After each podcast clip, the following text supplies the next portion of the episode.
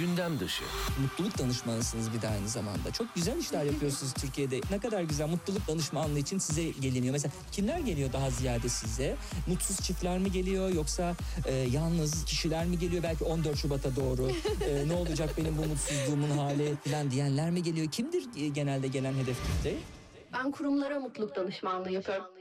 E, Kurumlarda kurumlar da önce az ücret verip insanlara mutsuz edip sonra da size mi danışıyorlar nasıl mutlu edeceğiz bunları diye. Gündem dışı.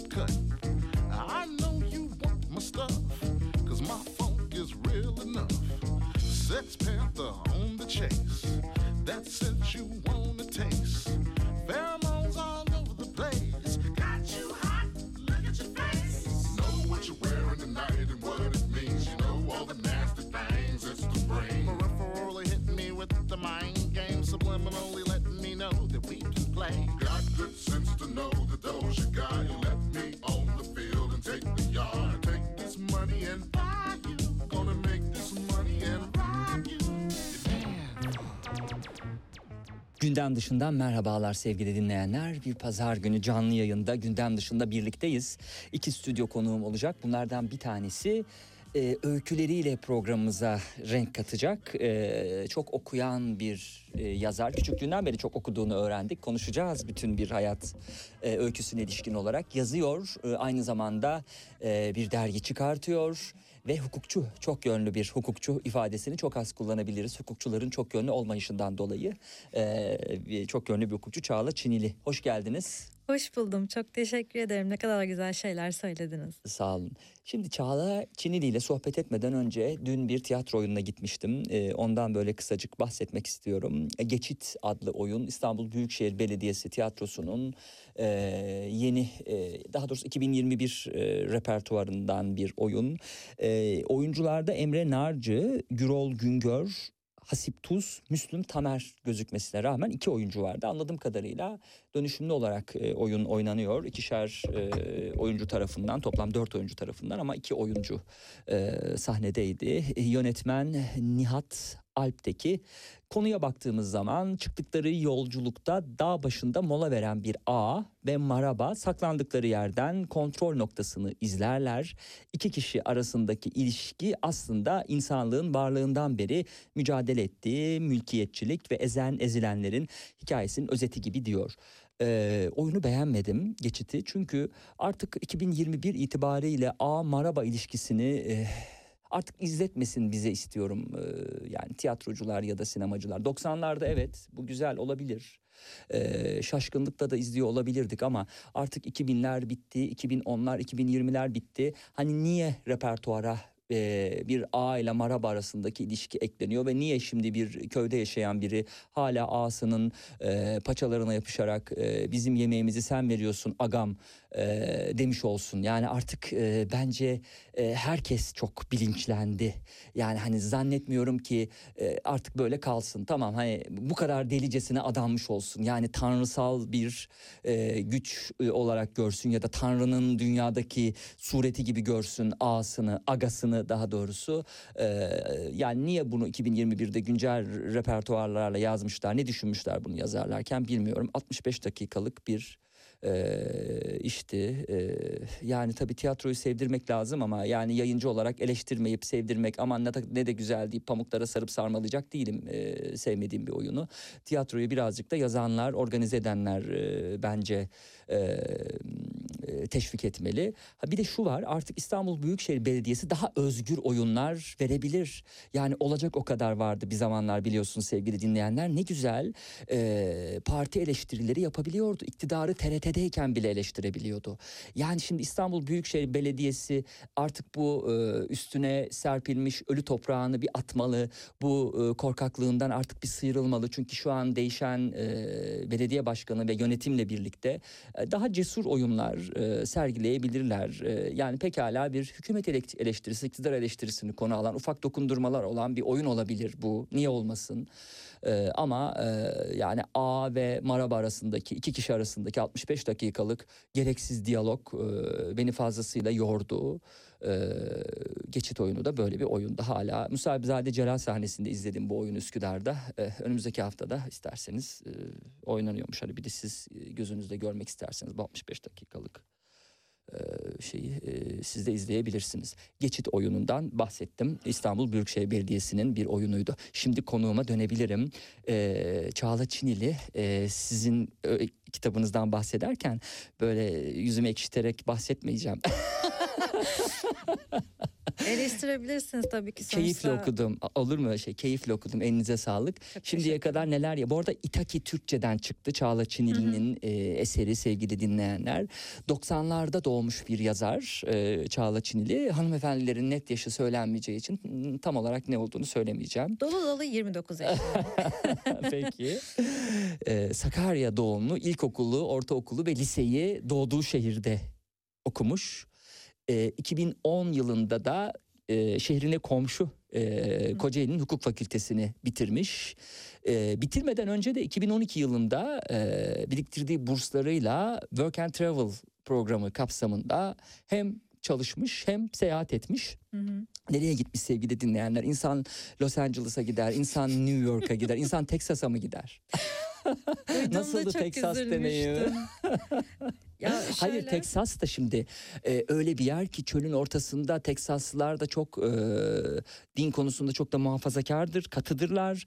E, zencileri sevmezler, onları sevmezler. Bir tek kendilerini severler. Nasıl bir deneyimdi Texas? Belki de yanılıyorum, ön yargılı yaklaşıyorum Teksaslılara. Şöyle söyleyeyim. Zenciyi düzeltiyorum, siyahileri sevmezler olarak özür dilerim.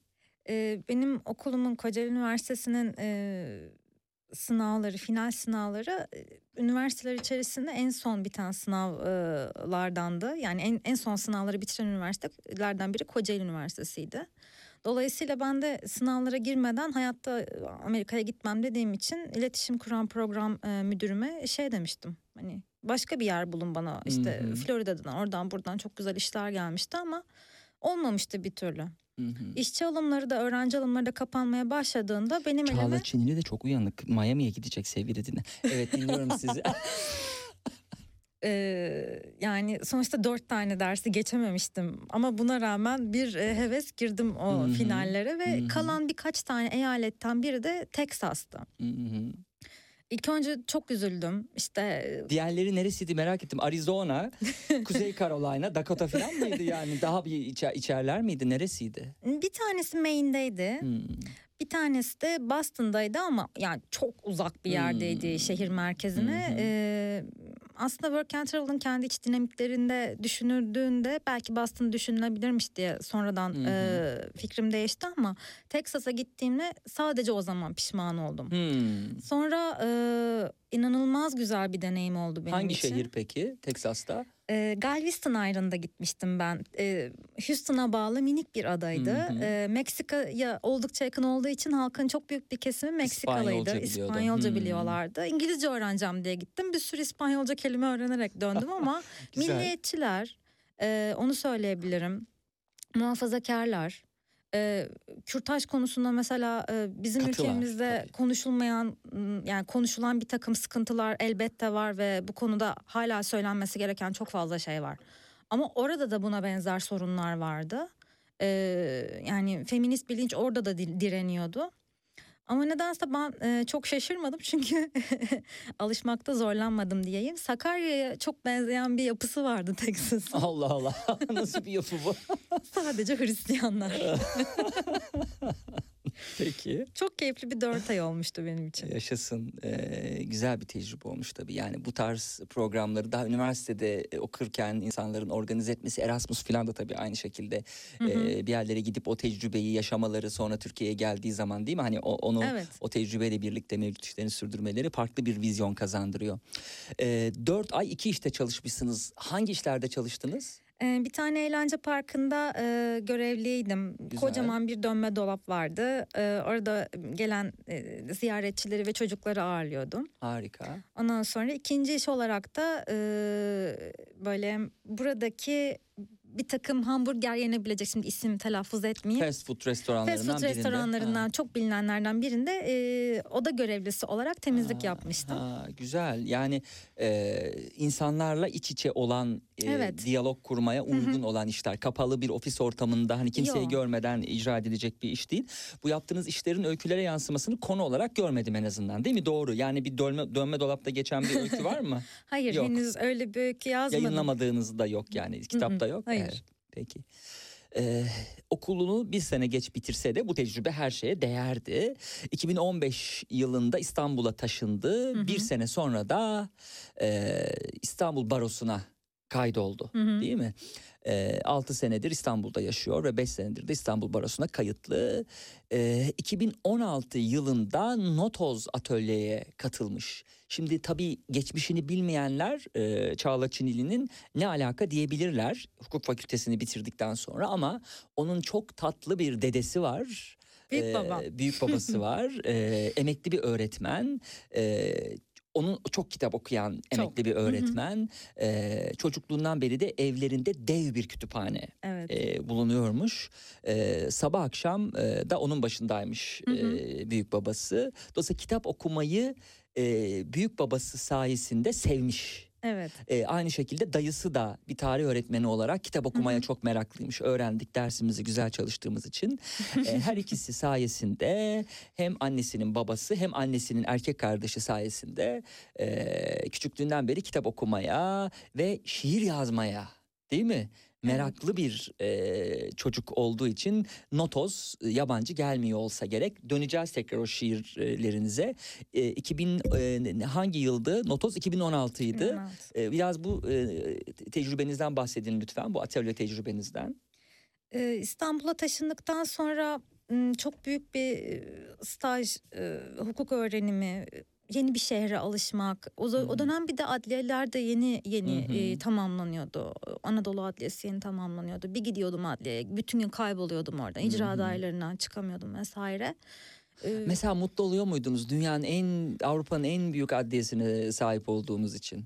E, kesinlikle hayır yani. E, çok büyük bir adliye giderek de büyüyor 60 70 80 kaça kadar Ay, Hiçbir şeyden de mutlu olmuyorsunuz siz e, hukukçularda. Ne kadar Kesinlikle. kocaman bir adliye yapılmış halbuki size. Yani 80-90 asliye ceza e, şu- demek yani bir mahkemede ortalama 300-400 tane dosya olsa senede Evet. düşünün ne kadar mi? çok uyuşmazlık var. Bu bir yandan üzüyor sizi bir yandan o büyük adliyede kaybolmak da söz konusu. Doğru. E, elinizde bir sürü ağır çantalar varken e, oradan oraya koştururken hakikaten çok zor geçiyor o staj tecrübesi. Bir yandan Hı hı. ofise dönüp işlerinizi halletmek hı. zorundasınız bilmem ne. Bu benim için şimdi kolay olabilir ama her şeyin başındayken biraz zorlayıcı geliyordu. Hı hı. Yoruluyordum açıkçası ve kitap okumaktan, edebiyattan çok uzaklaştığımı fark etmiştim. O benim için alenen bir ihtiyaç haline alınca eee, nerede ne var, hangi atölyeler var diye araştırmaya başladım. Çünkü ben Adapazarı Özel Enka Lisesi'nden mezunum. Bizim Hı o zamanlar eee derslerimizde, edebiyat derslerimizde kitap atölyeleri dersleri vardı. Hmm. Sözlü notlarımız o atölye performanslarımıza göre verilirdi ve ben bunun özlemini her zaman çektim üniversite boyunca. Buna benzer, buna eşdeğer bir e, topluluk bulamadım. 4-5 tane kulübüm vardı üniversitede. Çok aktiftim ama bir edebiyat kulübü, benim hani e, dişimi kesen bir edebiyat kulübü Hmm. maalesef bulamamıştım. E, Semih Gümüş'ü de çok severek takip ederdim. Natos Atölye'de yakın bir ofisim vardı. 2016'da başladım ve çok keyifli bir iki ay geçirdim. Hı hı. Harika. Bu arada tabii e, biraz sonra e, tekrar döneceğiz çocukluğuna. E, dişimi kesen bir e, edebiyat e, sınıfı bulamadım diyen kişi e, ortaokulda böyle klasikleri falan bitirmiş değil mi? İlkokulda e, şimdi bulmaya çalışıyorum notlarımdan. Yani 10 Kasım'da şiirler yazmış. Mesela öğretmen hayretler içerisinde kalmış ilkokula giden bir e, öğrenci olarak.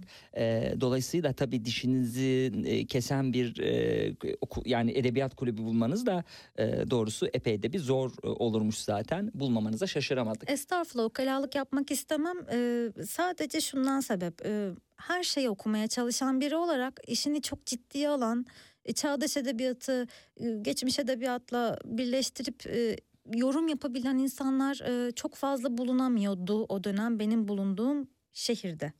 Suç ve Ceza'yı, Nona'yı, Goriyot Baba'yı okuduğunda ortaokuldaymış. Lisede e, edebiyat derslerinin teşvikiyle odasında 500 kitaplık bir kütüphanesi olduğunu da öğrendik Çağla Çinili'nin. Lafınızı kestim buyurun. Estağfurullah.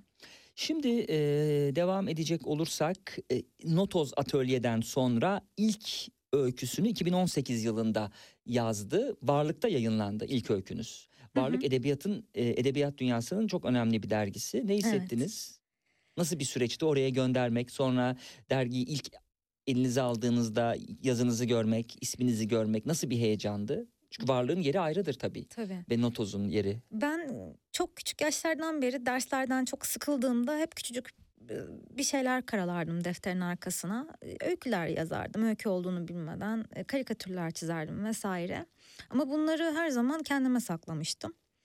Ee, Notos Atölye'de öykü kuramı üzerine eğildikten sonra yazdıklarımı derli toplu hale getirmeye başladım ve 2018 dolaylarında e, benim için oldukça zor geçen bir sene olmuştu 2018. Ee, Varlık e, dergisine bir öykümü yollamaya karar verdim. Neden Varlık? Varlık 14 yaşındayken Varlık dergisiyle tanışıp aman tanrım e, bütün güzel şairler ölmemiş meğerse ikinci yeniyle beraber Hmm. e, çağdaş edebiyat diye bir şey varmış deyip e, sürekli takip etmeye çalıştığım ve çok sevdiğim bir dergi olmuştu. E, oraya gönderdikten sonra e, Ekim başı gibi falan göndermiştim. Aralıkta yayımlandı öyküm. Çok şaşırdım gördüğümde ve çok sevindim.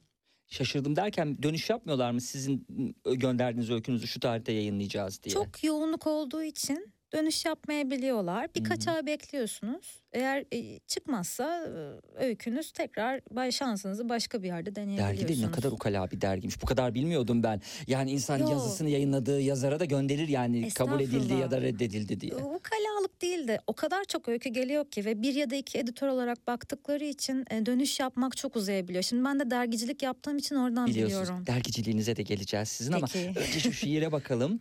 Ee, nasıl böyle bir e, kendinizi şair gibi mi düşünüyorsunuz yoksa yazar gibi mi düşünüyorsunuz? Çünkü e, öyküyle birlikte şairlik birlikte yürümüş sanki değil mi? İlk öykü 2018'de Varlık'ta yayınlanmış. 2019'da da ilk şiirinizi yayınlamışsınız. Hı hı. E, şair miyim? Daha çok neyi, nasıl nitelendirirsiniz kendinizi? Onu sanıyorum okurlar karar verir. Ben kendimi sadece yazan biri olarak görüyorum. Hmm, E, şiir yazmayı seviyorum. hı. Ee, ama öykü yazmak benim için yürümek kadar doğal bir şey. Yani şiir yazmak için bir kafalara girmem gerekiyor. O Hmm. imgeyi yakalamam, peşinden koşmam gerekiyor ve zorlanıyorum. Zaten Hmm. yazdığım şiirlerin zaman içerisinde kurmacaya evrilmeye başladığını gördüm. Şiirin kurmacaya evrilmesi de e, şöyle bir şey.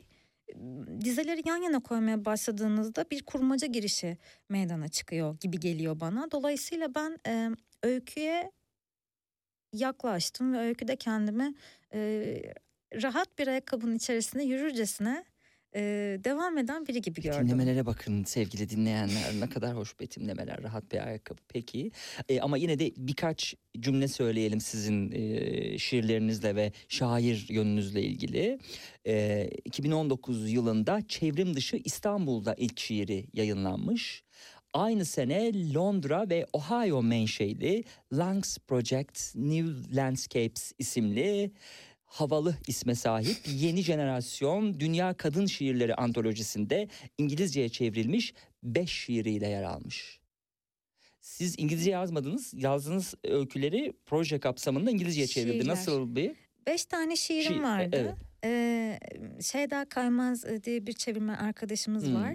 Ee, Şiir de çevirmek çok zordur. çok zor ve e, şiir çevirmek zor olduğu kadar şiirin dokusunu görüp anlayıp çevirmek çok daha zor. Tabii onu kastettim zaten. Ee, Aynen öyle. Çok doğru. Tabii ki. Ya bir, bir e, çevirmen çok iyi bir çevirmen olabilir ama şiirin içine girmediği müddetçe Hı hı. çok zor olabilir. Ee, şiirler çevrildi. Daha sonra e, beş şiir olarak antolojiye girmiş oldum. Çok güzel bir duyguydu benim için.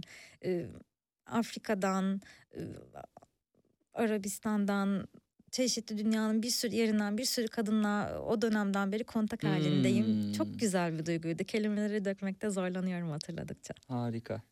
E, hemen ardından da Hindistan menşeli The Enchanting Verses Literary Review değil mi? Hı hı. Doğru telaffuz ettim. Şubat 2020 sayısında Türkçe şiir dosyasında tanıtılan 30 Türk şairinden biri olmuş. Hı hı.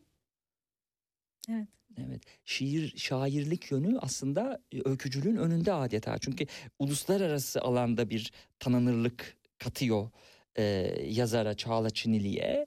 E, ama tabii ilk e, kitap öyküden geldi. İkinci evet. kitap nereden gelir bilemeyiz.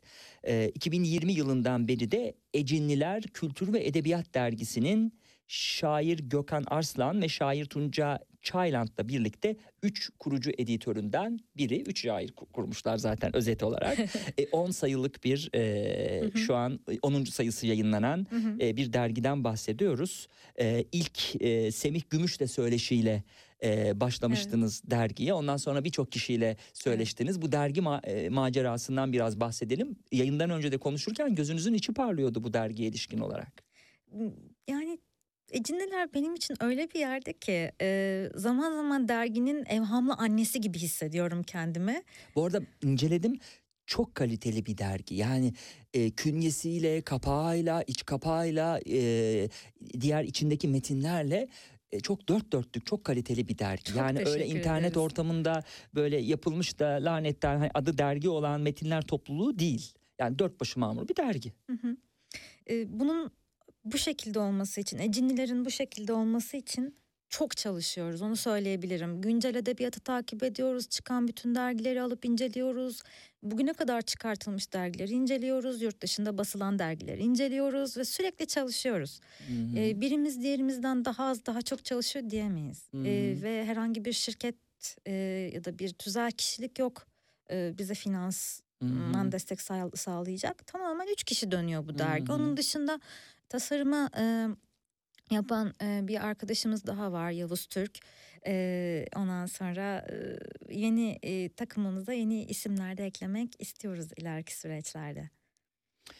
Eh, bu kadar yoğunluğunun içerisinde e, sosyal e, sorumluluk sahibi e, mor dayanışma çatısı altında değil mi? Hı hı. Feminist dayanışma içinde çalışıyor. Son dönemlerde e, feminist e, hareketini de dayanışmasını da e, çok net görüyoruz. Hı hı. Ee, tabii bu kadar net görmemizin sebebi e, İçişleri Bakanlığı'nın e, gayreti de e, var bunun içerisinde sevgili dinleyenler. E, bu gayretle gözümüze daha fazla e, tabii e, görünür kılıyor e, bu mor dayanışma çatısı altındaki hareket. E, bu çabanızdan dolayı da ayrıca kutluyoruz sizi. Teşekkürler. Ee, ben bütün kadın arkadaşlarımı ve kadın direnişini destekleyen herkes adına bu kutlamayı kabul etmek isterim. Erkekte çok destekçiniz var ama. Kesinlikle cinsiyet ayrımı yapmaya gerek yok. Ee, evet kadınları her zaman vurguluyorum ama e, kendine herhangi bir cinsiyet çatısı altısın- altında nitelemeyen herkes ya da niteleyen herkes ama bize destek olan herkes. e, hepimiz adına teşekkür ederim. Evet. Ee, şimdi kendimi doğurmadan hemen önce öykü kitabının ismi Ee, bir tabii e, yeni bir yazarın da e, okuyucuyla buluşması ve adeta bir doğum öyküsü değil mi? Kendimi doğurmadan hemen önce e, ismiyle başlayalım. E, evrensele verdiğiniz e, röportajda e, demişsiniz ki hemen o röportaja ulaşmaya çalışıyorum hızlı bir biçimde. Evet e, kendinizi keşfetmeye korktuğunuz zamanlardır. Olasılıkların çokluğu ve cezbediciliği arasından içten içe kim olmadığınızı, ne yapmak istemediğinizi bilirsiniz ama duyduğunuz o mırıltının kaynağına inmeyi reddedersiniz. Hayatınızı gürültülerle doldurursunuz. Durmadan hareket eder, bir yerlere gidersiniz, birileriyle konuşursunuz. İçinizdeki mırıltıyı size hatırlatacak sessizlikten korkar. Onu size hatırlatan her şeye düşman kesilirsiniz diyor. Kitabın ismini ismine ilişkin değil mi? Ee, verdiği cevapta. Buradan e, sözü size bırakacak olursak kendimi doğurmadan hemen önce. Tam olarak öyle söylemek istemiştim. Yani bir insan kendini ancak ne yapmak istemediğini bilirse doğurmaya başlar. Çünkü olmak isteyeceğimiz şeylerin sayısı e, sayılamayacak kadar fazladır. Dünya değişir, biz değişiriz. Bir dakika öncesi gibi asla düşünmeyebiliriz. Hı hı. Bütün bu olasılıklar içerisinde e, bizim kemiklerimize tam olarak zıt düşen, bizim anlayışımıza, bizim kabulümüze zıt düşen e, faktörleri bulur bilirsek onlar gibi olmamak için bir yolculuğa çıkarız. Kendimizi dinlememiz gerekir. Kendimizi dinlemeye başladığımız anda da kendimizi keşfetmeye başlarız ve doğurma süreci başlar. Kitaptaki öykülerden ilk üçü gündüz düşü 1 2 3 Hı hı. başlığıyla yer buluyor. İlk gündüz düşü bire baktığımızda günlüğünü arkadaşı gibi benimsemiş. Ona maskara ismi takmış. Yazmayı seven ama yazdıklarının da okunmasını hele annesi tarafından okunmasını hiç istemeyen. eee, dolayısıyla da yazdıklarını tuvalette yakan. Eee, önce yazdıkları başına dert olan sonra da yaktıkları başına dert olan o yakma kokusunu da ortadan kaldırmak için tuvaleti parfüme boğan eee Berkcan'ın e, değil mi e, hikayesi bizim karşımıza çıkıyor. Günlüğüyle dertleşmesine şahit oluyoruz ilk öyküde. Berkcan karakterimizin e, platonik olarak aşık olduğu isim. E, düze- düzeltelim o halde tamam. Buradan verecek olursak sözü bu öyküde e, değil mi maskarayla dertleşen Küçük kız. e, küçük kızın e, öyküsünde e, ne bulacak okuyucuyu başka? Hani benim e, anlattıklarım dışında alacak olursanız sözü. Ee, Herkes kendi çocukluğundan bir şeyler bulabilir diye düşünüyorum. Çünkü söylediklerimizi e, tuvalette e, yok etmeye çalışmamız gerekmez çocukluğumuzu e, hatırlamak için. Orada şunu vermek istedim ben. Ee, kimimiz tam anne babamıza bir şey söyleyecekken e, yutarız sözcüklerimizi. Kimimiz öğretmenimize bir şey söylemek isteyecekken defterimizin arkasına karalamayı tercih ederiz. Ya da e, çocuksu yalanlar söyleriz. Hayır ben öyle düşünmemiştim. Hayır ben onu sevmiyordum o yüzden saçını çektim gibi. Hı hı. Ee, çocukluk doğallığını ve masumiyetini anlatmaya çalıştım. Çocuk duyarlılığını. Çünkü her ne kadar ebeveynler çocukların herhangi bir şekilde kendilerini tam olarak anlayamayacaklarını düşünseler de çocuk idrakı, çocuk sezgisi tahmin edemeyeceğimiz kadar üst oktavlarda çalışan bir şey diye düşünüyorum. Evet. Tabii yazar e, ilk kitabında, öykülerinde kendisinden de e, mutlaka yansıtır karakterlerini. Onun bir bitmesi lazım ki sonra daha çok kurguya dayalı, bu dayalı metinler ortaya çıksın. Bu anlamda e, Berkcan'da da sizden yine Berkcan diyorum affedersiniz. E, e, anlatan e, karakterde de sizden çok e, şey buldum. E, doğru mudur? Yani hani çünkü o da yazmayı çok seven bir e, bu yönüyle hani buldum en azından. E, yazmayı çok seven bir karakter. E, siz de küçüklüğünüzden beri böyle okuyorsunuz yazıyorsunuz değil mi? E, maskaracım iki sayfa oldu ama yazmak benim çok hoşuma gidiyor.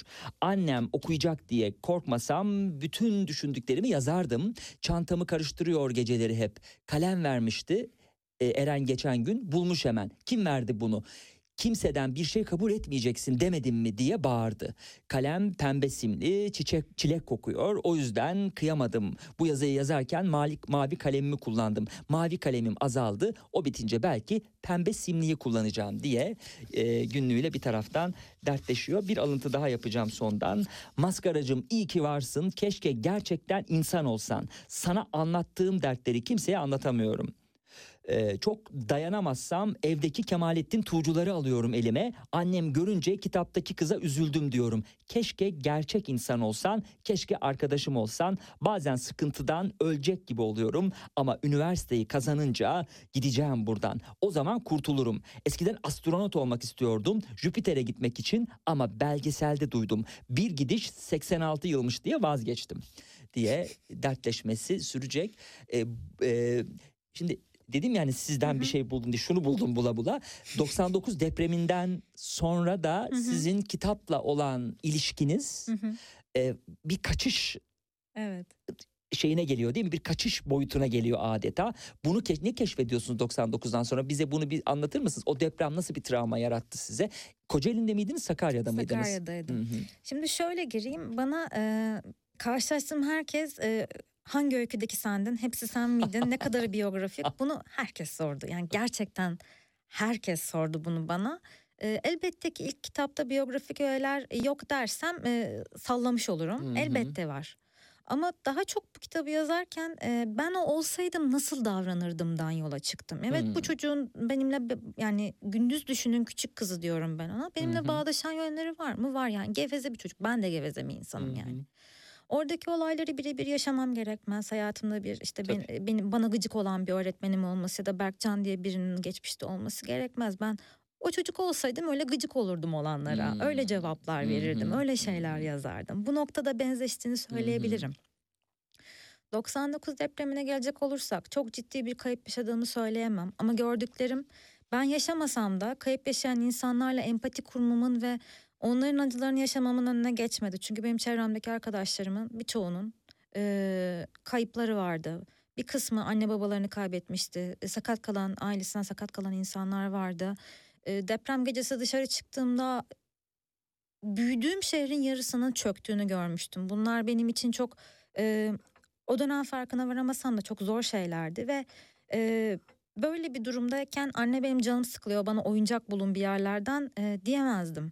Elimden geldiği kadar onlara yardım ederdim. Yardım çantaları hazırlayıp e, bebekli ailelere dağıtırlardı. Annem, teyzem, anneannem, büyük babam işte belirli gelen paketleri düzenlerlerdi ve dağıtıma çıkarlardı. Ben de onlara yardım ederdim. İnsanları gözlemlerdik falan.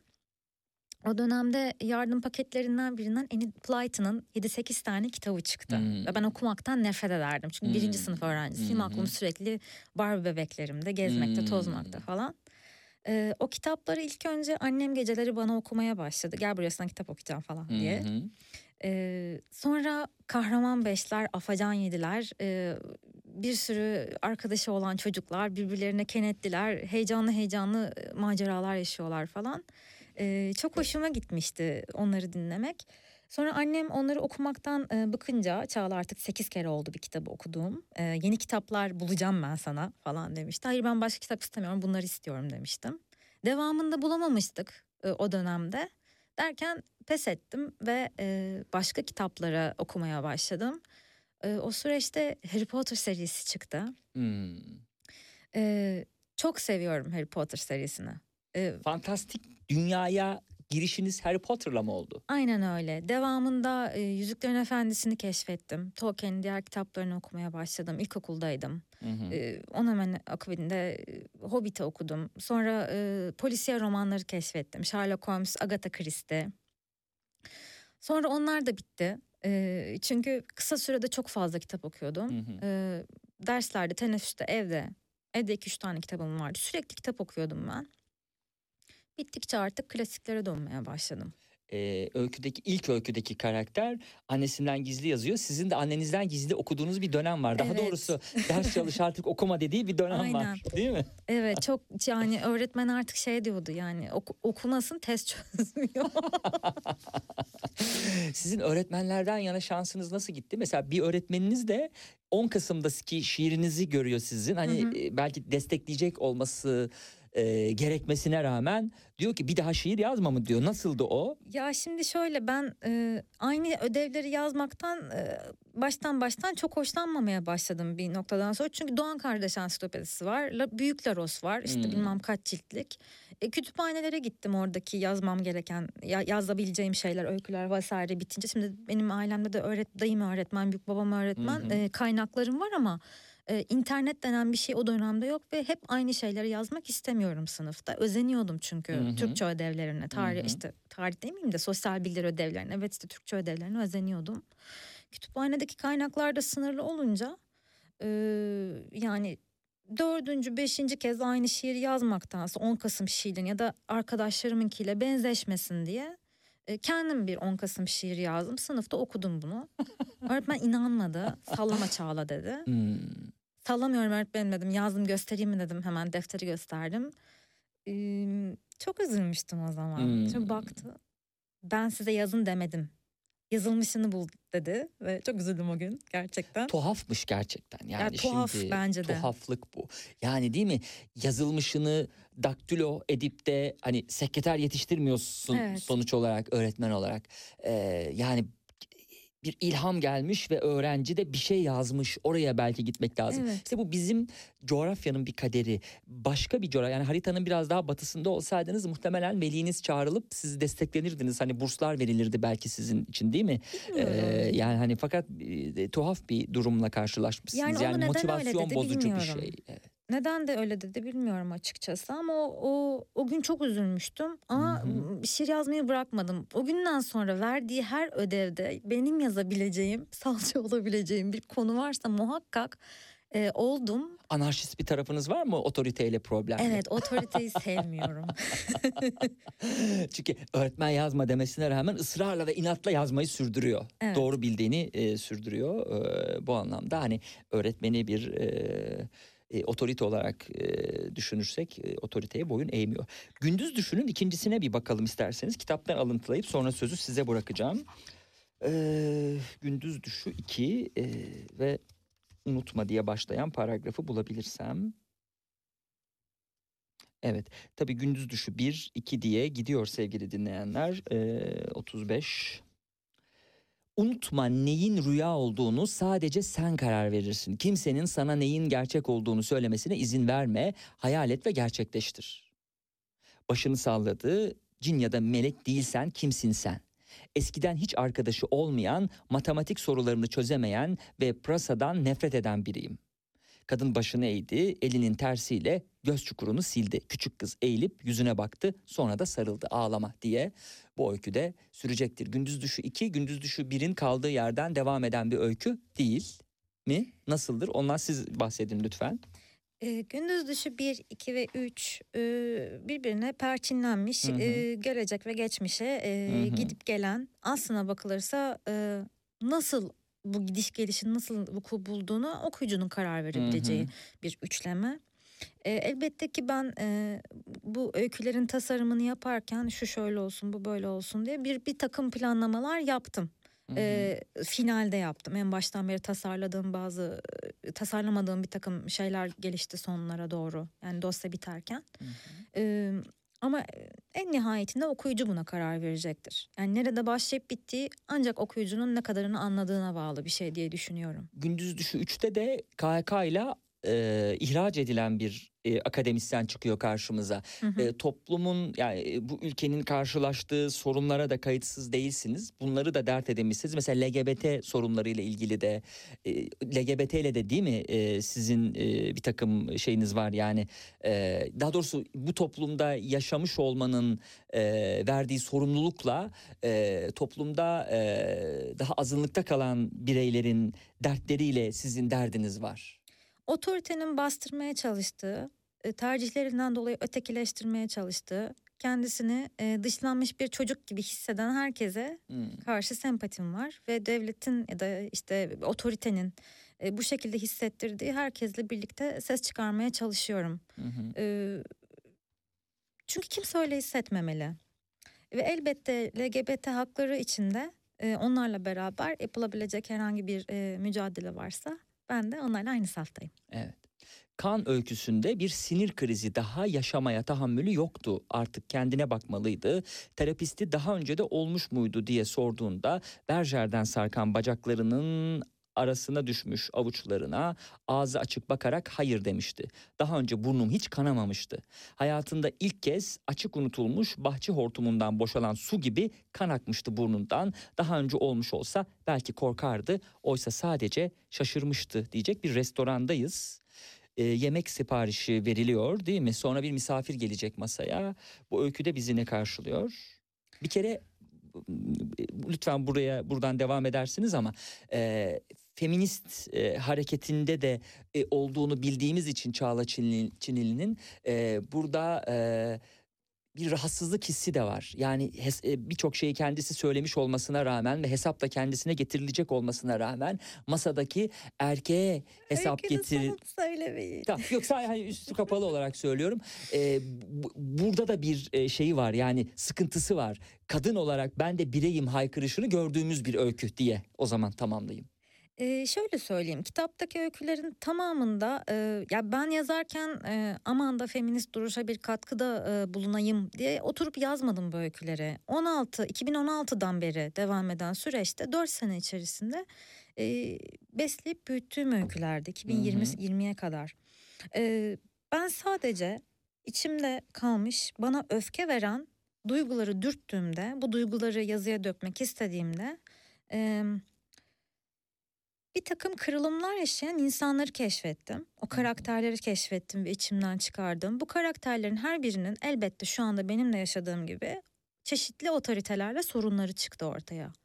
Kimisinin babayla, kimisinin e, hocalarla, kimisinin e, işte patronlarla, kimisinin e, direkt olarak işte devletle. E, otorite problemi yaşıyor bu insanlar ve kan öyküsündeki kişi de patron e, patronuyla derdi olan bir yandan da masasına buyur ettiği masasına gelecek olan adamla ilgili bir varoluş mücadelesini hı. onlar üzerinden anlamlandıran bir kadın. hı. Hani bazen deriz ya e, bu insana ben bir şey yapmadım niye bu kadar çıldırdı? Ya background'da bir şeyler dönüyor. iç dünyasında bir şeyler oluyor. İç dünyayı anlatmak istedim bu öyküde. Şimdi mutlu sonla biten hikayeler vardır'a baktığımda e, ondan önce işgalden arta kalanlara dair dile getirilmemiş bir takım şeyler var. Kağıt havluların üstüne değil mi yazılmış bir e, metin çıkıyor burada karşımıza. Sonradan üstü karalanacağını anlayacağız. Mutlu sonla biten hikayeler vardır da ise bir kitapçıdayız öykünün başında. Burada Aylak Adam'dan Brida'ya kadar e, hı. sevdiğiniz birçok e, şeyi sanki e, Evet. okuyucuyla paylaşıyorsunuz değil mi bir nevi? Evet. Ee, evet. Kitaplardan, kitapların içinde, kurmacaların içinde gerçek hayata gerçekten değinmeyi seviyorum. E, bu bunlardan tesbih böceğini ben e, özellikle e, dinleyiciye söylemek istiyorum. Sonlarından da bahsedebilir miyim bu bu öykünün? Peki. Çok nazik peki diyor ama bir taraftan da içi kan ağlıyor tamam çok öykünün tadını kaçırmayacağım. Ee, karakoldayız ifade alınıyor. Ee, aslında bu bir çalışan kadın hikayesi. Bir avukatın hikayesi. Ee, hikayenin sonunda da Kafka'ya bir selam olduğunu söyleyelim. Nasıl olabilir değil mi? Bu belki dinleyiciler e, şaşırabilirler. Avukat hanım karakoldan dışarı çıktıktan hemen sonra bir bakalım neler hissediyormuş. Çünkü e, yazar da aynı zamanda bir avukat hanım olduğu için e, belki duyguları paralel olabilir, olmayabilir. Bu bizi ilgilendirmez sevgili dinleyenler. Sizi hiç ilgilendirmez. Siz sadece öyküden ne anlamanız gerektiğini, ne çıkarmanız gerektiğini kendiniz karar verin lütfen. Her şeyi de size biz söyleyemeyiz. Dört yanı tenteler ve tomalarla çevrili İstanbul Emniyet'in bahçesinden çıkarken ensesinden boşanan ter artık beline kadar inmişti. Saç diplerine onlarca küçük iğne batıyor, midesi kabarıyor, erimiş asfalt kokusu burnuna doluyor. Bu polisler o çelek yeleğin altında hem saatlerce hem şu sıcakta nasıl delirmiyorlardı. Kıç cebinden telefonunu çekti. Dokuz cevapsız arama. Hepsi de o. Arama tuşuna basarken diğer elinin avuç içini ense kökündeki saç diplerine bastırdı. Başını tırnaklarıyla kazıyası geliyor ama yaparsa yine dökülürler. Ee, kendini tutmalı diye e, ilgili kısım e, bitiyor. Ee, babası avukatlığın kızı için uygun olmadığını söylüyor mesela. Böyle enteresan Hı hı. insanlar da var değil mi? Hani biraz daha okusaydın da e, hakim olsaydın Evet. diyenler olduğu gibi babası da e, bir erkek işi olduğunu belki düşünüyor. E, kızına uygun olmadığını düşünüyor ve bir baba kız e, çekişmesine de burada e, şahit oluyoruz. Ee, tabii artık kadınlarda daha fazla görünür. Ee, İstanbul Büyükşehir Belediyesi'nde metrolarında şey görüyorum.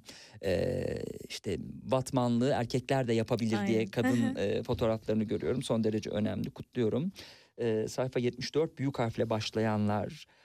Bana biraz olsun benzeseydin keşke. Senden utanıyorum. Yıllardır seninle uğraşmaktan bıktım. Ne istediğim gibi giyinirsin, ne istediğim gibi davranırsın diyen bir baba. Avukat da olsa muhatabı babalar demek ki kim babalar kolay değişmiyor. Ne dersiniz? Otorite simgeleyen bir şey. Evet. Çünkü e, öykü çatısında Emniyette başlıyoruz. Bir polis memuru var. Sonrasında babayla olan iletişim, e, ilişki, e, problemler.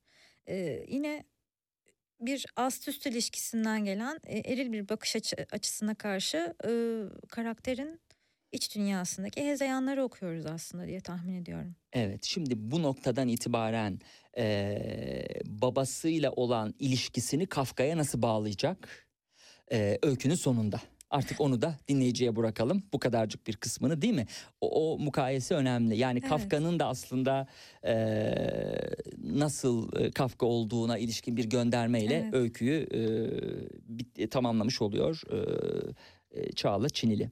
E, kitapta başka e, hangi öyküler var? Mesela Dış Kapı öyküsünü görüyorum. Fazilet'in hikayesi burada da karşımıza çıkıyor. Alzheimer'lı kocasına bakan, e, ona kah anne diyen, kah küfreden kocasıyla olan e, diyaloğuyla Hı hı. Fazilet'in hikayesi. E, Tektaş, Tamtur ve Rota'da sürekli tekrarlanan bir rota karşımıza çıkacak. E, yine prensesler gelinlik giyer. E, kitapta çıkan öykülerden e, yani isimlerinden birkaçıydı. E, var mı özel e, sizin kitapta e, biricik öykünüz, en sevdiğiniz e, bir öykü, farklı bir yeri olan sizin için olabilir? E, Gündüz Düşünü e, küçük kızını çok seviyorum. Hı hı. Çok eğlenceli bir çocuk. Ee, hakikaten zaman zaman tekrar onun üzerine bir şeyler yazsam mı, onun dilinden bir şeyler yazsam mı diye Hmm. geçiriyorum içimden. Ama e, tespih böceği benim için gerçekten üzerinde e, en çok uğraştım. Ve bu sebeple öyküyle adeta güreştim ben dört sene tespih böceğinde. Çünkü o sizin Hmm. söylediğiniz o Kafka'ya bağladığım cümleyi bulana kadar Hmm. öykünün tamamlandığına tam dört sene inanmadım. Üç buçuk dört sene Hmm. sürdü. Ee, ve Kafka'nın babaya mektup e, bunu hı. okumadığım tek eseri olduğunu fark ettiğim bir öğle yemeğinde hemen gittim aldım okudum ve neyin eksik olduğunu anlayıp o cümleyi oraya iliştirdiğimde rahatladım. O cümleyi okuyup biz de rahatlayalım mı? Yok. Kafka'yı aslında babası doğurmuş diyorum. Hmm, Evet. Evet, evet. Dakika. Ben de o cümleyi hemen o cümleden e, alabilirim. E, güzel bir cümleydi çünkü. E, ben de yazarın tabii gözünün içine bakıyorum sevgili dinleyenler. Böyle e, çok da böyle mutsuz olacak gibi olduğu zaman metinlerini hoyratça okumak da istemiyorum. İrkilerek başını adama çevirdi. Erkek arkadaşıydı değil mi? Aşk, bu başını çevirdiği kişi doğru hatırlıyorum. Evet. Tamam. İrkilerek başını adama çevirdi. Biliyor musun? Kafka'yı aslında babası doğurmuş. Adam gelen cevap karşısında kaşları havada tekrar sordu. Ne? Kız orta parmağın üzerinden ikinci kez geçerken bakmadan konuştu bir sigara versene diyecek ama daha anlaşılır olabilmesi için sayfayı bütün o son sayfayı Evet. bütünüyle okumaları lazım. Sadece hani siz e, o son Tırnak aralarını e, mendille evet. temizliyor. Hı hı, hı. Şimdi e, peki bundan sonra sizin elinizde ne var? Yeni bir dosya ya da bir proje var mı? Ee, esasında yazdığım yeni öyküler var. Onları çeşitli dergilere iletmeye devam ediyorum. Ee, bir tane büyük bir kurmaca var. Yani büyük dediğim e, uzunluk olarak e, bir novelleye aşacağını artık Hı hı. neredeyse emin olduğum bir kurmaca fikri var. Onun üzerine çalışıyorum. Onu da muhtemelen bir 5-6 sene çalışırım bu gidişle. Ee, mesela burada bizim e, karşımıza öykülerde 90'lar da çıkmıştı. Tabii 90'larda çocuk e, olan bir Hı hı. yazar olduğunuz için 90'lar çıkmıştı. Ee, diğer öykülerinizde de var mı bu 90'lara selamlar, yani çılgın bedişler filan hani diğer göndermeler, onun benzerleri belki farklıları. İlla ki var. Dediğiniz gibi yani yurt dışı anılarımdan içimde kalan bir takım şeyler var. Hani Hı hı. duygular var. E, otobiyografik dersek duygular evet otobiyografik. Bir zaman bana bir şeyler hissettiren bir olayı nasıl anlatabilirim? Bir hayal kırıklığını, bir tiksintiyi, bir Hı hı. düşüşü, bir mutluluğu, bir komediyi nasıl anlatabilirim diye düşünüyorum. Bir kurmaca buluyorum ve oraya yediriyorum. Elbette ki 90'lara değineceğim çünkü e, özlüyorum ben çocukluğumu. Hangimiz özlemiyoruz? Değil mi sevgili dinleyenler? Evet. Çağla Çinili çocukluğunu özlüyor. Ee, bol miktarda çocukluğumdan 1990'lardan e, göndermelerle kendimi doğurmadan hemen önce e, öykü kitabıyla İtaki Türkçe e, serisinden, İtaki yayınlarından çıktı e, bu kitabı da. E, size e, Ezgi Ayvalı'nın 40 kabuklu çekirdek e, kitabını hediye etmek istiyorum. Everest'ten çıkmıştı bu da. Ömrünü geriye doğru adımlayan, çaresizce kendi hayatının içine sızan bir adamın hikayesi bu. Ee, dün ayağına takılan taşları yıldızlara uzanır gibi toplarken bugünün içinde kaybolanın kendini aynalarda değil takvimlerde arayanın rüyalarında bile eğreti kalanın unuttukça geç kalıp hatırladıkça aksayanın hikayesi kırk kabuklu çekirdek. Peki ya zaman ayağına takılır da düşersen ne olacak diye sorguluyor kitabın arkasında. Ee, kitabın e, arkalarını yazan e, yazarlar biliyorsunuz e, özel olarak yayın evlerinde istihdam ediliyor böyle cümleler kurabilsinler diye. E, güzel de Editörler yazmışlar. yazıyor, Editörlerin evet, eline evet. sağlık. 40 kabuklu çekirdeği Çok size teşekkür uzatayım. Teşekkür ederiz biz de. Çok memnun olduk tanıştığımızda. Dinleyicilerimize de Çağla Çinil'in bu e, öykü kitabını öneriyoruz ve 17 haberlerine bağlanıyoruz sevgili dinleyenler dakikalar içerisinde. E, 17 haberlerinden sonra yolumuzu edebiyattan başka bir mecraya dönüştüreceğiz. Kutsal'ın yorumunu konuşacağız. Someone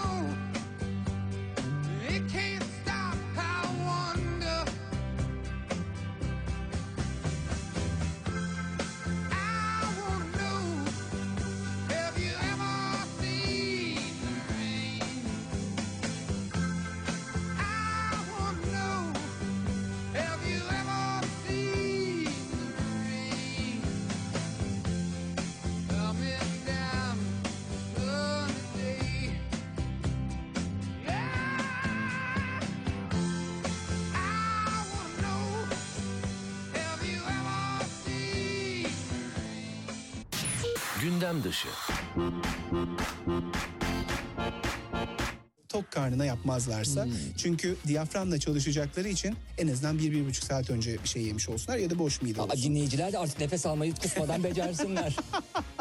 Bence de. İkinci egzersiz köpek nefesi. Böyle Ah, çok koşmuş onu da hatırlıyorum koşmuş, hatırlıyorsunuz değil mi?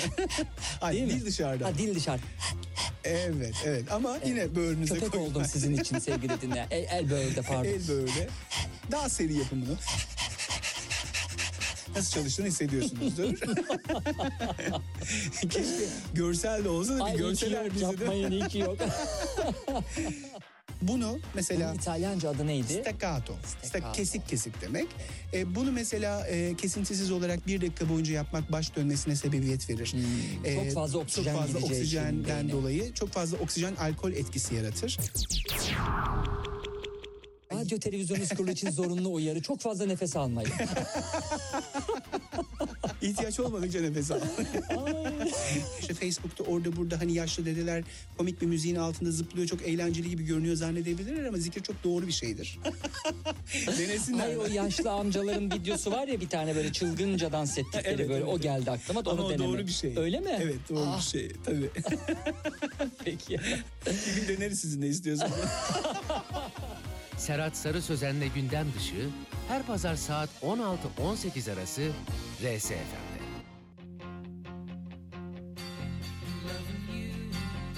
isn't the right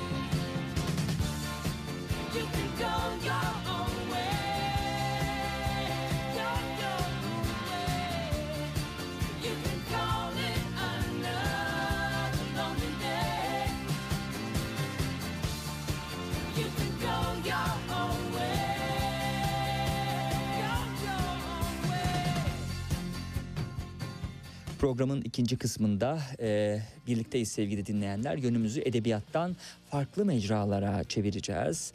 Kah felsefe konuşacağız, kah dinler tarihine gireceğiz. E, bazı konuşacağımız e, konularda e, bizim e, radyomuzun e, Diyanet Radyo olduğunu düşünebilirsiniz. Frekanslarınızla oynamayın. Diyanet Radyo falan değiliz. Ee, şu an RSFM'desiniz, Radyo Sputnik'tesiniz. Onu söyleyelim baştan. Hoş geldiniz İzzeter. Hoş bulduk. Nasılsınız? Harika. Siz nasılsınız? Çok teşekkür ediyorum. Gayet enerjik gördüm sizi. Ee, hafta içinde de konuşurken sizinle oldukça pozitif bir e, insanla tanışmış olmaktan dolayı da mutlu olduğumu söyleyeyim. İstanbul doğumlu Yeditepe Üniversitesi Güzel Sanatlar Grafik Tasarımı bölümünden e, mezun oldu. E, ne zaman? 2002 yılında mezun olmuş. 1999 yılında Avrupa Aydınlanma Vakfı ile tanışmış. Nasıl oldu bu vakıfla tanışmanız? Anadolu Aydınlanma Vakfı ile tanışmam doğrudur. Ee, üniversiteye hazırlık senemde Hı hı. oldu. O yüzden e, üniversiteye hazırlandığımdan daha çok felsefeye hazırlandım. Hmm. Ee, güzel Üniversitede sanatlar- niye felsefe tercih etmediniz? Ee, Çünkü felsefeye çok ilgilisiniz. Hmm. Yani aslında şöyle çok iyi bir öğrenci değildim. Hmm. Üniversite hayalleri de kurmuyordum. Arkadaşımın annesi beni kandırdı. dedi ki en azından dedi e, resim çizebiliyorsun. Hmm. E, güzel sanatlarda zevkli bir üniversite hayatı yaşayabilirsin. Hmm. Ee, üniversiteye çalışırken, hazırlanırken Anadolu Aydınlanma Vakfı ve o çevreyle Hı e, farklı düşünceler, fa- farklı e, dinlerin ve ideolojilerin temsilcisi olan insanlarla e, tanışma fırsatım oldu. Daha güzeli yani farklı düşünceler olmasından ziyade bu farklılığın tek bir ortamda buluşabildiklerini Hmm. ve e, kavga etmeden konuşabildiklerini gördüm. Hmm. E, belki de e, kitapta başarmaya çalıştığımız şeyin temeli bu hı. e, farklı düşünceler aslında ortak bir zeminde nasıl buluşabilir? Hmm. E, bunu ben bizzat yaşayarak gördüm. E, dolayısıyla üniversite hayatım kampüste değil, kampüsten kaçıp vakıf ortamına bu Hmm. insanların yanına giderek geçti. Nitekim e, 1999 yılında Anadolu Aydınlanma Vakfı ile tanıştıktan sonra yaklaşık bir 11 yıl sonra e, yayın kuruluna e, giriyorsunuz. Ondan 2 yıl sonra da 2012 yılında da yönetim kuruluna katılıyorsunuz. E, vakfın Düşünüyorum adlı bülten ve dergilerinin yönetim ve tasarım sorumluluğunu üstleniyorsunuz. Bu arada biraz önce aklımdaydı. Arkadaşınızda ne tatlı bir annesi varmış. Ne güzel yönlendirmiş sizi. evet, evet. Herkes bir yerlerde okuyabilir ama hani sanatla ilgili bir şeyi de herkes yapamaz. O anlamda çok güzel bir yönlendirme olmuş işin açığı değil mi? Çünkü Kesinlikle. tasarım dediğiniz şey sanatsal bakış açısı için çok güzel bir nokta atışı olmuş. Kesinlikle. Nitekim şu an e, üniversiteyi bitirdiğiniz alanla ilgili de aktif şekilde çalışıyorsunuz. Tabii tabii. Hı hı. Grafik tasarım reklam ajansım var. Evet. E, 2018 yılın öncesine gidelim. E, dinler tarihi, felsefe, ezoterizm ve hermenötik alanlarındaki makaleleri yine Düşünüyorum adlı dergide Dergide. yayınlandı. Nitekim internet sitesine de girdiğimiz zaman bu makalelerine İzzet Erşin ulaşabiliyoruz. Doğrudur. Ee, 2018 yılında makalelerinden derlenen Kutsal'ın Yorumu adlı kitabı yayınlandı. Nitekim bizim de ilgimizi çeken e, ve İzzet Erş'le e, tanışalım da de- dedirten e, eseriydi. Kitabın üçüncü baskısı destek yayınlarından çıktı 2021 yılında. E, şu an bir reklam ajansının kurucusu olduğu bir reklam ajansının başında olduğunu söyleyelim. E, İzzet Erşin. Şimdi Kutsal'ın yorumu kutsal metinlerdeki e, birçoğumuzun da kafasını karıştıran e, nitekim daha önceki kitap tanıtımında da gizemle çelişki arasındaki bulanık alandan insanların e, çık, bu çıkmasını güçleştiren bu bulanık alandan e, sorulara cevap vermek suretiyle e, bu sorularla baş etmesini sağlayan bir e, kitap yazma anlayışıyla bu makaleler bir araya geldi ve makaleler dışında da yeni metinler yazıldı değil mi? Tabii aslında kitap kitap e, makaleler toplamı. Hı hı. Yani kitap dediğimiz zaman başından sonuna kadar tek bir konu üzerinde kalması lazım. Ancak bu kitap bir anlayış üzerinde farklı makalelerin e, bir araya gelmesinden oluşuyor. Makaleleri bir e, ortaya çıkartan neydi? E, bu tabii kafa karıştıracak konular var, kavramlar var. E, dinler tarihi, dini konular ya da kutsal metinler diyelim genel olarak. E, tarihi etkilemiş içerisinde sanatı, edebiyatı, batının da doğunun da her şeyi içinde barındıran çok derin eserler, çok derin bir temel oluşturuyor. E, bu alana girmek ister istemez bir risk almayı da getiriyor yanında. E, kaybolacağınız bir denizin içerisine sandalla çıkmak gibi. Ama dediğim gibi çok doğru insanlarla beraber bu yola çıktığım için, e, bu uzun yolculuğa açıldığım için aslında bu makaleleri yazarken e, koşup gösterdim. Oldu mu acaba? Hmm. Anlamış mıyım? Hı hı. E, hiç Kime anlamamış. gösterdiniz? İşte vakıf çevresindeki Hı e, şey Ağırlıklı olarak Kanaat felsefeciler miydi, felsefeciler miydi bu gösterdiğiniz kişiler? Yoksa din bilginleri yani din alimleri miydi? Ya o kadar din kategorik bir insan- şekilde Hmm, ayıramadık hı. biz bunu. Çünkü e, di- dini metinler olduğu gibi felsefi metinlere de eşit ağırlıkta Çok eğilmiş doğru. olan insanlar Hmm. e, kendilerini ne dindar ne felsefeci ne de başka bir e, kategoriyle tanımlamıyorlardı. Hı hı. E, bu zaten aradaki köprüyü bu kadar rahat kurabilmemizin Hmm. sebebi de bu oldu. Hı hı, hı hı. Vesilesi bu oldu. Hı hı. E, nerede hakikat varsa, hak neredeyse o tarafa rahat yönelinebildi. E, makaleleri götürdüm. E, işte yazdıkça götürdüm. Çocuksu bulunanlar, e, daha çok yolu var denilen aşamalardan e, yetkinleşmeye doğru hı. ilerledi ve belli bir yere geldikten sonra bunu kitaplaştıralım Hı hı. dediler. Kitap çıktı. Hı hı. Peki bu tekamül sürecine ne kadar da ulaştınız? Vallahi e, bin yıl kadar falan diye tahmin ben 18 yaşında tanıştım ama Hmm. e, 18 yaşının öncesi Ay alemsiniz vallahi.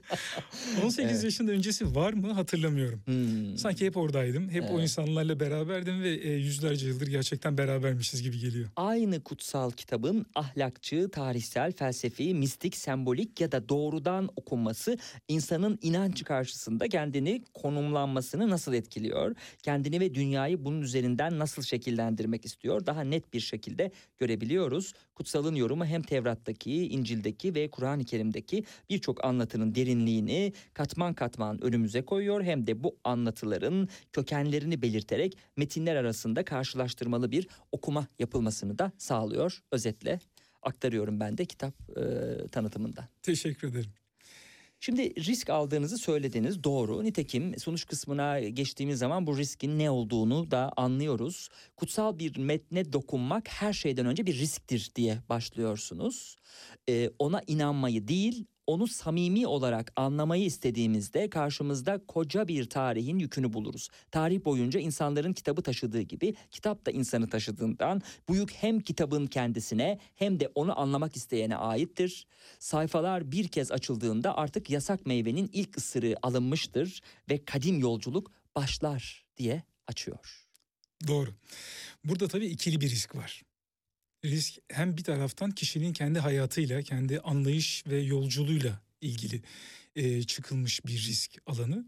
E, çünkü inandıklarınızla mutlu olabilirsiniz. Ancak inandıklarınızı sorgulamaya başladığınızda, e, inancın kendisini sorgulamaya başladığınızda ve bunu olumsuz bir e, e, yönle ilgili değil, anlamak adına yaptığınızda yani samimi olarak yaptığınızda bir savaş olarak değil.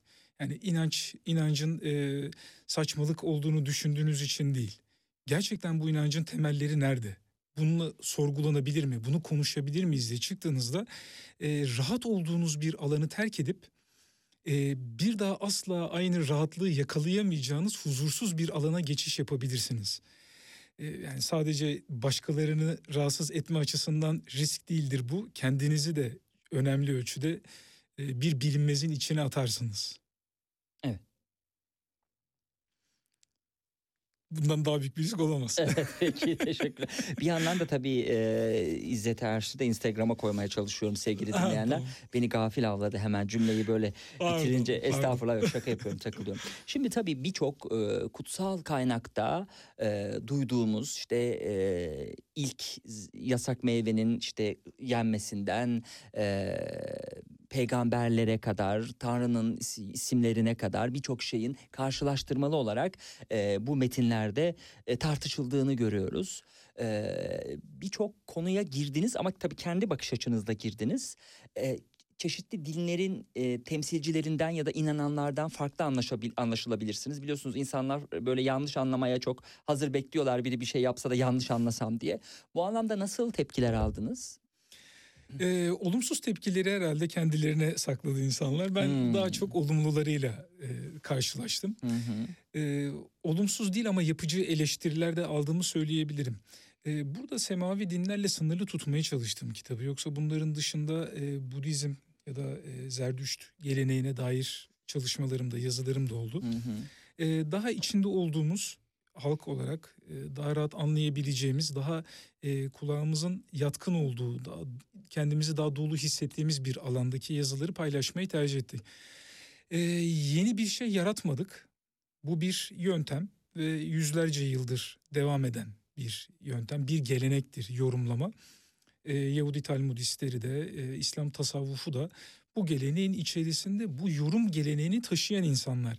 E, sadece bu e, kişilere baktığımız zaman belki de bu yüzyılda yaşamadıkları için sadece kendi dini alanları ile ilgili yorumları yaptıklarını görüyoruz. Hı hı. Yani İslam mutasavvıfları İslam'ı dışına çıkmamışlar. Ee, Yahudi Talmudistleri ya da Yahudi yorumcuları ya da kabalistleri, Yahudi tasavvufu dediğimiz alan yine sadece Yahudi çerçeve, çerçevesi, Yahudilik çerçevesi içerisinde kalmış. Hakeza Hristiyanlık da aynı şekilde. Ee, bugün artık belki de daha az denetlendiği için ya da daha az tedirgin olacağımız bir dünyada yaşadığımız için e, tüm bu irfan öğretilerinin zeminindeki e, onun bütünlüğünü oluşturan esas kavramların ortak bir temelde barındığını görebiliyoruz. Yani e, Kur'an-ı Kerim'i irfani bir zeminde anlamakla Tevrat'ı irfani zemini bir e, irfani bir zeminde anlamak arasında büyük bir fark yok. Oradaki kavramlar e, samimi bir şekilde yaklaşıldığı zaman bir dini e, düstur için değil ama felsefi bir anlayış anlamanın kendisi için yaklaşıldığı zaman birbirinden çok uzak olmadığı anlaşılıyor. Biz bunu denedik. Hı hı. E, Kutsal bir metin nasıl okunmalıyla tabii başlıyoruz. Başta bir takım teknik e, konular, teknik tanımlamalar e, önemli kitapta da. Nitekim diyorsunuz ki kutsal metinleri yorumlamanın yani hermenötik te- e, teolojinin öncelikli sorusu şudur. Kutsal bir metin nasıl okunmalı?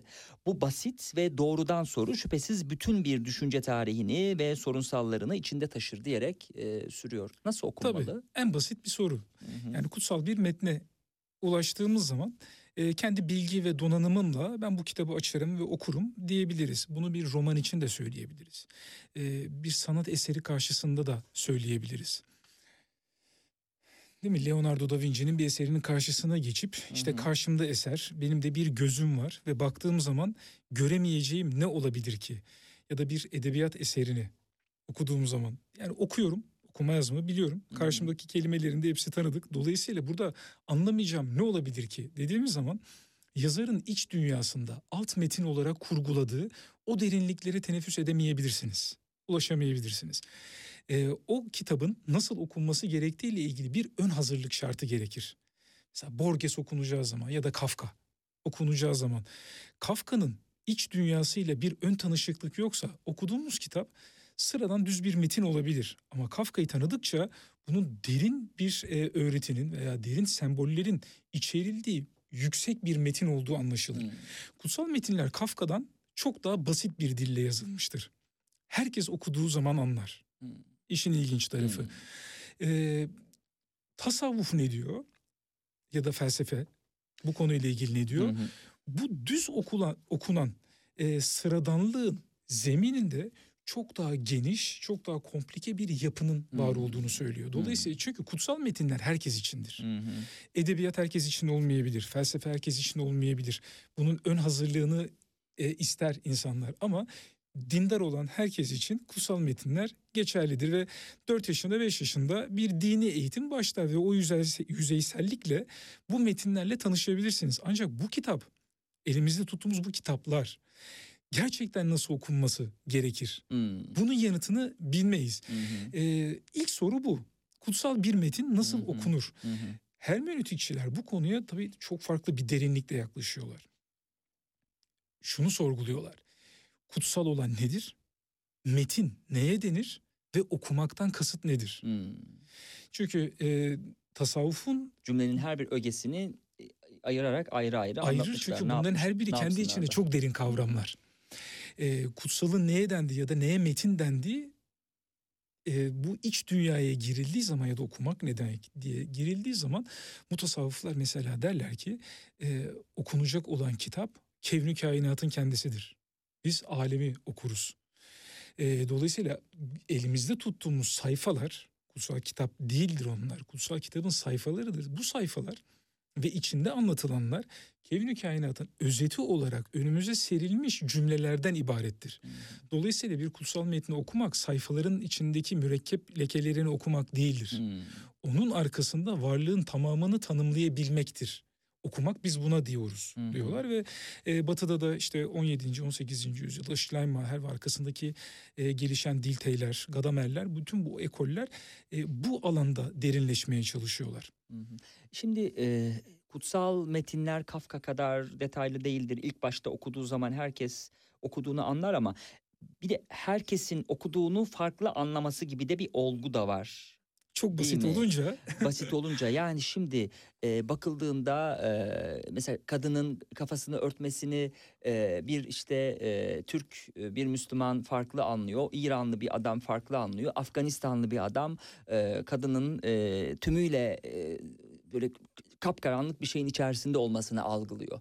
Bu esasında sıkıntılı bir durum. Dolayısıyla niye din e, temalı e, dine dayalı bir devlet kurulmaması gerektiğinin esasında bu yorumlanışının herkes tarafından farklı anla- anlaşılıyor, algılanıyor olması e, herhalde bunu ortaya koyan bir e, sebep olmalı değil mi? Çünkü Tabii. her kafadan bir ses çıkıyor ve e, kapkaranlık bir şeyin içerisinde bile kadınların e, bürünmesinin olmasının bile yeterli olmadığını düşünen ondan o metinden başka bir şey anlayan başka birileri çıkıyor söz gelimi. Evet. e, O yüzden sadece- kutsalın yorumu e, önemli ama Önemli. kişiden kişiye de çok değişken olduğu da bir gerçek. Nasıl yorumladığınız da önemli tabii. Hı hı. Bu yorum, bir yorum geleneği olarak hermenötik e, bir futbol maçını yorumlamak gibi değildir.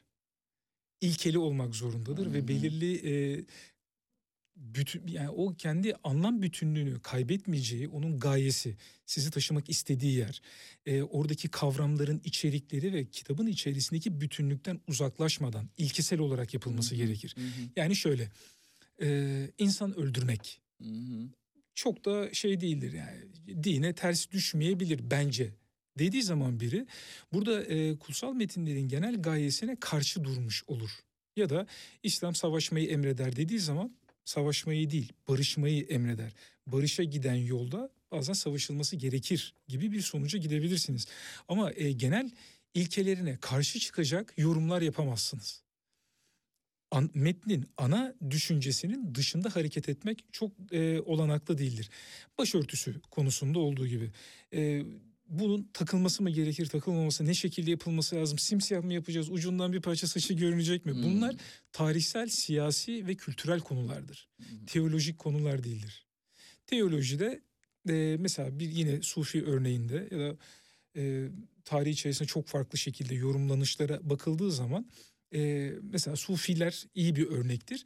Orada kafa değil, kafanın kendisi değil, kafanın taşıdığı yani kafayla örneklenen düşüncelerdir. Tanrı'nın önüne çıktığın zaman başını yani içindeki olumsuz düşünceleri örterek çıkmalısın ilahi olanın karşısına. Hmm. Bu dolayısıyla peki niye kadın, niye erkek değil? Erkekte de belirli bir kapanma şey vardır. E, müdessir gibi surelerin kendilerinde de Hı hı. geçer. E, örtünme ve kapanmalar vardır. Bunlar e, olumsuzu örtüp tamamen saf bir e, yürekle, e, temiz bir e, gönülle Tanrı'nın karşısına çıkmakla ilgilidir. Hatta e, bu yollarda e, manevi insanlara gittiğiniz zaman çok da fazla böyle başının örtülülüğü, örtüsüzlüğüyle ilgilenmezler. Hı hı. Çünkü hakikat başın üstüne koyulan örtüyle değil, başın içinde taşınanlarla Hmm. ilgilidir. Bu e, her iki anlamda da. Yani kapanmak bu durumda mantıklı mıdır, değil midir ya da doğru mudur, değil midir? İlgisizdir. Hakikatle ilgisizdir. Evet. İster kapan, ister açıl. E, anlamana yardımcı olamaz. Açılmak ya da kapanmak. İzzet Erç'te Kutsal'ın yorumunu konuşuyoruz. Kitaptaki metinlerden biri de Kutsal'ın temeliydi. Hadi ona bir bakalım sevgili Olur. dinleyenler isterseniz. Mekke, Medine, Kabe, Kudüs. Vaat edilmiş topraklar. Ganj Nehri Adem'in toprağı, Zerdüşt'ün ışığı, Harun'un asası, Musa'nın çarıkları, Yusuf'un gömleği, İsa'nın kanı, Buda'nın incir ağacı, sedir ağacı, elma ağacı, hayat ağacı, iyiliği, kötülüğü, bilme ağacı vesaire taşından kuşuna, gezegeninden toprağına bir imgeyi kutsal kılan nedir sorusuyla bu da başlıyor. Çünkü kitapları okuduğumuz zaman e, tabii ki din hayatın kendisinden kopuk değildir ve e, bize hayatın içerisinden bir şeylerle konuşur. Çünkü hayata ışık tutmuyorsa onun bir geçerliliği de yoktur. E, din hangi alana aittir? Din hayatın içerisindeki tüm alanlara aittir gerçek anlamıyla. Siyasileştirilmiş bir din değil. Dinin kendisi ne siyasetten uzaktır, ne sanattan uzaktır, ne edebiyattan, müzikten uzaktır. Her şeyin içindedir. Dolayısıyla e, kutsal metinlerin yazımı sırasında içinde kullanılan imgeler e, dünyada bizim karşılaştığımız mekanlara, hayvanlara, e, olgulara işaret eder. E, bu bütünlükten dolayı, hayatın kendisine ışık tutmasından dolayı. Şimdi va- var mı burada ekleyeceğiniz Yok bir şey? tabii yani bunlardan da bunlar kullanılan imgelerdir. E, bunları kavram olarak da konuşabiliriz. Biraz simge olarak da konuşabiliriz. Hı hı, Yani kuş nedir dendiği zaman hı hı, düz anlamıyla kuş sadece bir kuştur. hı hı. Ama bu tasavvufa geldiği zaman ya da e, şeylere, e, mistik deneyimlere geldiği zaman ya da tarihsel bir okuma yapılacağı zaman, ahlakçı bir okuma yapılacağı zaman ya da felsefi bir okuma yapılacağı zaman bambaşka anlamlara sahip olur ve kuş artık bir kuş olmanın ötesine geçer. İnsanın varlık mertebeleri de yine kitapta e, İzzet Erşin metinleriyle yer bulan bir başka e, kısımdı. Böyle kitabın e, içinde e, ele aldığı konuları da hani somut konuları da e, böyle yer yer konuşalım istiyorum. Oradan da ne anlaşılması gerektiğini bu kutsal e, kaynaklarda e, ve İzzet Erşin ne anladığını ve anlattığını. İnsan sıradan algının ötesinde varlığın bir belirişi olarak üç safhadan oluşur. Çünkü insan doğduğu gibi kalmayıp tekamül eden bir varlıktır ve insan kavramı genel bir şey değil ama bir süreci belirttiğinden insanın en asli gayesi var olmaktır. Zira insan var değildir ama var olmak için varoluşa çıkmıştır. Bu anlamıyla insan yok varlıktan külli varlığa uzanan bir süreçtir. Bir diyor. süreçti. Evet. Hı hı. Biz baktığımız zaman tabii yeni doğmuş bir bebeğe insan deriz. Evet. Ee, bu insan kavramının e, taşıdığı potansiyeli ve sürecin tümünü kapsamasından dolayıdır. Çünkü bir bebek ki e, dinde buna kaderi mutlak da denir. Yani kaderi mutlak, mutlak olan Tanrı'nın en e, kusursuz göstergesi bebektir. Çünkü bebek tüm potansiyeli, olabilecek tüm kişilikleri ve karakterleri kendinde henüz gerçekleşmemiş bir şey olarak taşır. Bir doktor da olabilir. Bir e, radyo programcısı da olabilir. Hmm. bir sanatçı da olabilir. Ee, her türlü yola açık her şey olma ihtimali vardır. Ancak henüz hiçbir şey değildir. Henüz daha bir kültür varlığı bile değildir. Ama ilk olarak bir kültür varlığına dönüşecektir. Hmm. Ee, kültürü benimseyecektir. Daha nereden geldiğini bilmedi bir dili öğrenecektir ve bir geleneklerin içerisinde e, bir örtüyle, bir karanlığın içerisinde ya da bir farkındalıksızlığın içerisinde büyüyecektir. İlk farkındalığı ben neredeyim? Niçin bunun içindeyim? Ee, Kur'an-ı Kerim mesela bunu çok güzel anlatır. Her çocuk İslam üzere doğar. Sonradan anneleri bunu şu ya da bu dinden yapar der. Hı hı. Oradaki İslam üzere olmak tabiri e, İslam'ın kendi kavramlarıyla. Çünkü İslam teslimiyet demektir. Bir barışıklık, iç barışıklığı durumuna işaret eder. Her bebek kendiyle barışık bir doğayla doğar. Hayvandan farksızdır. O barışıklık içinde doğar. Bunu Daha sonra okuduğumuz zaman bunu mu çıkarmamız lazım? bunu çıkartabiliriz. Hmm. Tabii. Ee, daha sonradan bir kültürün içine girer ve bir e, coğrafyayı, bir dini, bir dili, e, belirli olayları benimser. Bir ülkenin milliyetçisi olur. Halbuki aynı bebek başka bir ülkede Hı hı. başka bir ülkenin milliyetçisi olacaktı. Hı hı. Burada olumsuz bir durum yoktur. Ancak bu insan olma sürecinin bir aşamasıdır. İnsan, insan olma sürecinde bu aidiyetlere girer. Ancak insan için en büyük aidet, aidiyet insan olmanın kendisi. Dolayısıyla bir milliyete ya da bir dine ya da bir kültüre belirli bir aidiyete sadece bir aidiyete takılıp kalmak değildir. Hmm. Diyorsunuz ki yine bu bölümde e, tamamlanmak kozmolojik açıdan noksanlıktır. Tamamlanmış olan dirimliliğini yitirdiğinden ondaki bütünlük nispidir. Evet. Bu başka bir alana. Evet, evet, evet. Harika. evet. Aynı metin devamında. Şimdi peygamberlere bir bakalım sevgili Bakalım. dinleyenler. Bugünkü programımız böyle bir yayın sevgili dinleyenler. Üç aylarında yaklaş geldi mi? Yani Biraz yaklaşmasıyla daha birlikte. huşu içerisine çekebiliriz bunu. e, TGRT FM'in o şeyleri gibi oldu. E, yayınları, programları gibi.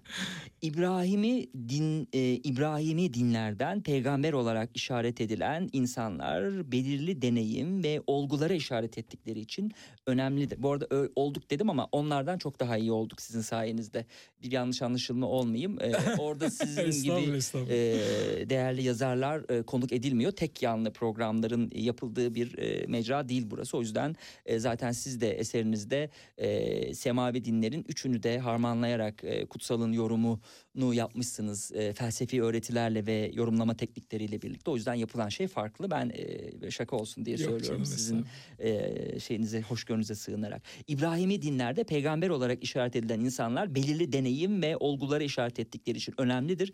Peygamber ve nebi birer kavram olarak haber getiren, belirli bir haberi duyuran, taşıyan anlamlarını içerir. Böylece peygamber vasfındaki kişiler sadece tarihi birer şahsiyet olmaktan arınıp belirli olguların sahnesi konumuna gelirler. Yabancılaşma kavramı bağlamında bu şahsiyetlere teolojik yani varlık ve bilinçle olan ilişkileri bağlamında bakmayı uygun gördük diyerek Adem'den başlayarak işte Havva ve e, diğer e, Tüm peygamber kişileri aslında o işin özeti yani oradaki yazının Havva'yı özeti. peygamber olarak saymak gerekir mi yoksa Adem'den sonra olduğu için mi Havva'yı da bu grupta almış olduk? Ee, oradaki Havva'nın peygamberliği bize bir haber taşımasındandır. Hmm, anladım.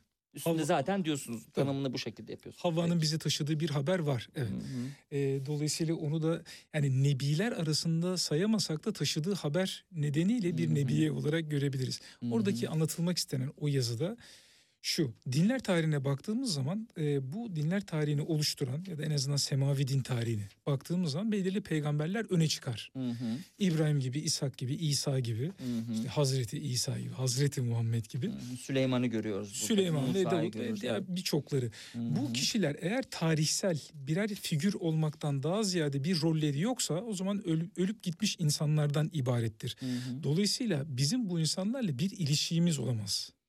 Evet. Bizim için hiçbir değer taşımazlar ölmüş gitmiş olan insanların. Bugüne akseden tarafları e, kendi hayatlarında somutlaştırdıkları Evet. e, ve ortaya koydukları belirli olgular ve kavramlardır bizim için ve biz bunları kendi hayatımızda görürüz. E, Süleyman bir kişi olarak değil ama anlayış, hikmet ve anlayış olarak bize taşınır. E, Süleyman'ın hayat olgusuna bakıldığı zaman hikmetli bir insanın hikmetli olma sürecinde o hikmeti tanrısal hikmeti yani bütünsel olan hikmeti kazanabilmesindeki süreci nasıl e, tahsil ettiğini görürüz. Ve Evet. Süleyman'ızdır hepimiz aynı zamanda bir parça. Bir yanımızla diyelim. Marx'la da birleştiriyorsunuz yabancılaşma teorisiyle değil mi Süleyman'ı? O kısma şöyle bir göz atayım mı? Marx'ın yabancılaşma teorisi fikri temelini Süleyman'ın emek bahsinden alır. Süleyman Bayes kitabında ulaştığı hikmeti alegorilerle anlatır diyerek böyle bir, Doğru bir orada da birleştirme var. bilgi. Evet. Bunlar tabii her biri farklı bir makaleden. Hı hı. Ee, ve orada e, bu farklı makaleler arasındaki ortak unsur nedir? Ee, kutsal bir metnin okuması, okunması araları yani e, kutsal bir metin üzerine yapılabilecek farklı okumalar arasındaki biçimlerdir. Hı hı. Yani biz kutsal bir metne baktığımız zaman onu tarihsel okuyabiliriz. Ee, mistik olarak okuyabiliriz. Ahlakçı olarak okuyabiliriz. Mesela işte TGRT dediğiniz yer. TGRT'nin içerisinde gördüğümüz hocalar aslında yanlış bir şeyler söyledikleri için olumsuz değiller. Bir yanıyla baktıkları için Hı. problemlidir. Ee, mesela e, bir dindar olarak baktıkları gibi tarihsel olarak da bakmayı başarabilseler e, ya da sufi bir bakış açısıyla ya da işte bu mistiklerin dedikleri ahlakçı ya da felsefi bir bakış açısıyla da e, yeni bir bakış açısı ekleyebilseler o zaman çok yönlülük ortaya çıkardı. E, yine de bir metni okurken bu paradigmaların tek bir tanesini öne çıkartarak ve diğerleriyle alttan destek vererek e, ortaya farklı metinler koyulabilir. Burada e, bu kitapta e, ortaya koyulan makalelerde e, bu farklı bakış açılarından biri temeli alınarak e, oluşturuldu. Hı hı. Dolayısıyla e, bir metin tarihsel olduğu gibi bir metin tamamen e, tasavvufi ya da mistik, Hmm. ezoterik bir tarafa Hı hı. bakıyor olabilir. Hı hı. E, bu bakış açısına göre e, Marx'ın okuması da dinseldir. Hı. Yani din tarihi içerisinde kavramsal bağlamda yerini bulur. Peki Marx'ı nereye yerleştiririz? Süleyman'ın bahsine. Çünkü Marx'ın kurtarmaya çalıştığı, öne koymaya çalıştığı e, insanın kendi üretimine olan yabancılaşması ve bu yabancılaşması arkasında bizim insanı yitirmemizle ilgilidir ve Hazreti Süleyman'ın da Kral Süleyman'ın daha doğrusu Hazreti Süleyman Kur'an-ı Kerim'in Süleyman'ıdır. Kral Süleyman eski ahdin Süleyman'ıdır. Hı. Bu şekilde ayrılabilir metinler arasında. Ee, Kral Süleyman'ın ortaya koyduğu emek e, kuramı diyemeyiz ama emek kavramı e, Marx'ınkinden çok uzak değildir ve gördüğümüz zaman Marx'ta e, Süleymani bir tavır sezilir. Hı hı. Ee, manevi sofralar da var mesela ee, bizim duyduğumuz zaman içerisinde onlara da ayrılmış bölüm var. Halil İbrahim sofrası var mesela. Tabii. Ee, Semitik inanışta Hazreti İbrahim ilahi dinin ilk temsilcisidir. Kendisinden önce yaşamış Adem, Nuh gibi peygamberler bulunmasına karşın gerek kutsal metinler gerek dini gelenekler başlangıçta İbrahim'i yerleştirir ve mukaddes soyu kendisiyle başlatır. İbrahim oğulları diye değil mi söylenen Halil İbrahim babası. sofrası. Milletlerin babası diye işaret edilir Evet. kendisine. Tüm e, o Semitik inanıştaki kişiler kendini oraya bağlar. Yani Hazreti Muhammed de ben İbrahim soyundanım der. Hı hı. Ee, İsa da ben e, İbrahimoğlu Davutoğlu Mesih'im Hı hı. diye ortaya koyar. Ee, Musa da kendini İbrahim'e dayandırır. Hı hı. Ee, İslam dini diye başlayan paragraf Kabe'nin sütunlarına geç demiş şimdi. Bu arada sofralarda Halil İbrahim sofrasından dışında Zekeriya sofrası vardı değil mi? Var. Başka neler vardı? Orada beş bölümü Beş ayırmıştır. bölüm. Hı hı. Sofra çünkü e, tasavvufi gelenek içerisinde aslında sohbete Hı denir. hı. E, kamil bir insanla, kamil ne demek? E, şuuru kamil olan. Yani e, aklı olgunlaşmış, zevki olgunlaşmış, e, anlayışı, hikmeti olgunlaşmış bir insanın e, bir konuyu anlatmasına e, tanık olmak demektir. Sofraya oturmak. E, bu kutsal metinlerdeki sofra geleneği de sembolik olarak aslında e, bir geleneğin üstü örtülü olarak nasıl anlatıldığını Hı hı. ortaya koymak adına e, yazılmış bir metin. İslam dini Kur'an-ı Kerim'in tebliğinden daha ilk yıllarında iman eden müminleri bir kavim olmaktan kabile olmaya davet etmişti. Bu davette mana aşiretlere bağlı ırsi birliktelik oluşturan topluluklar olmaktan ortak bir kıbleye sahip olan aşkın bir ilke etrafında toplanan bilinçli bir toplum olmaya davette. Kabile kelimesinin kökü olan kıble değil mi? Ee, manasını taşıyor diyor. İle ve kıble manasını taşıyor Kıble diye. ve Kabe tabii. Bu- bu Kabe'nin cümleyi- sütunları başlığında yer bulmuş. Buyurun. çok basit bir cümle gibi görünse de aslında bu cümle e, işte Freud'un Totem ve Tabu'daki incelemesi gibi e, ilk insan, ilkel insanlardan, arkaik insanlar diyelim yani ilksel insanlar diyelim. O ilk inanışlar, ilk yaşam biçimlerinden e, tüm bir dini din tarihine e, ışık tutan bir perspektif. Yani Hz. Muhammed'in e, teklifine kadar aslında kabile toplumları vardı. Onunla kıblesel bir e, gelenek başlamış oldu. Kutsal metin anlatımlarında tartışılmaz en yalın olarak bilinen ama anlam anlamı sorgulandığında en bilinmez ve karmaşık olan yapı, kavram, olgu Tanrı'nın kendisidir. Tanrı'nın sözlerinin veya tanrısal olan sözlerin mahiyeti ve e, erekselliğini anlama üzerine harcanan çaba ve elde edilen neticeler. Tanrı'nın kendisini anlama konusunda yetersiz kalır. Böylece Tanrı dolaysız olarak herkesin bildiği ama düşünce dolayımına sokulduğunda en belirsiz olanı ifade eder diyor Tanrı'nın bağışlaması üzerine e, kısmında. Bunun aksini de savunabilirim. arada. Yani e, Tanrı belki de en kolay bilinecek olandır. Çünkü Hmm. onun bilinmezliği de bir bilgidir. Hmm. Hakkında hiçbir şey bilemeyeceğimiz varlıktır. Ya da her şeyin kendisini gösterdiğini söyleyerek içinden çıkacağımız bir varlık da olabilir.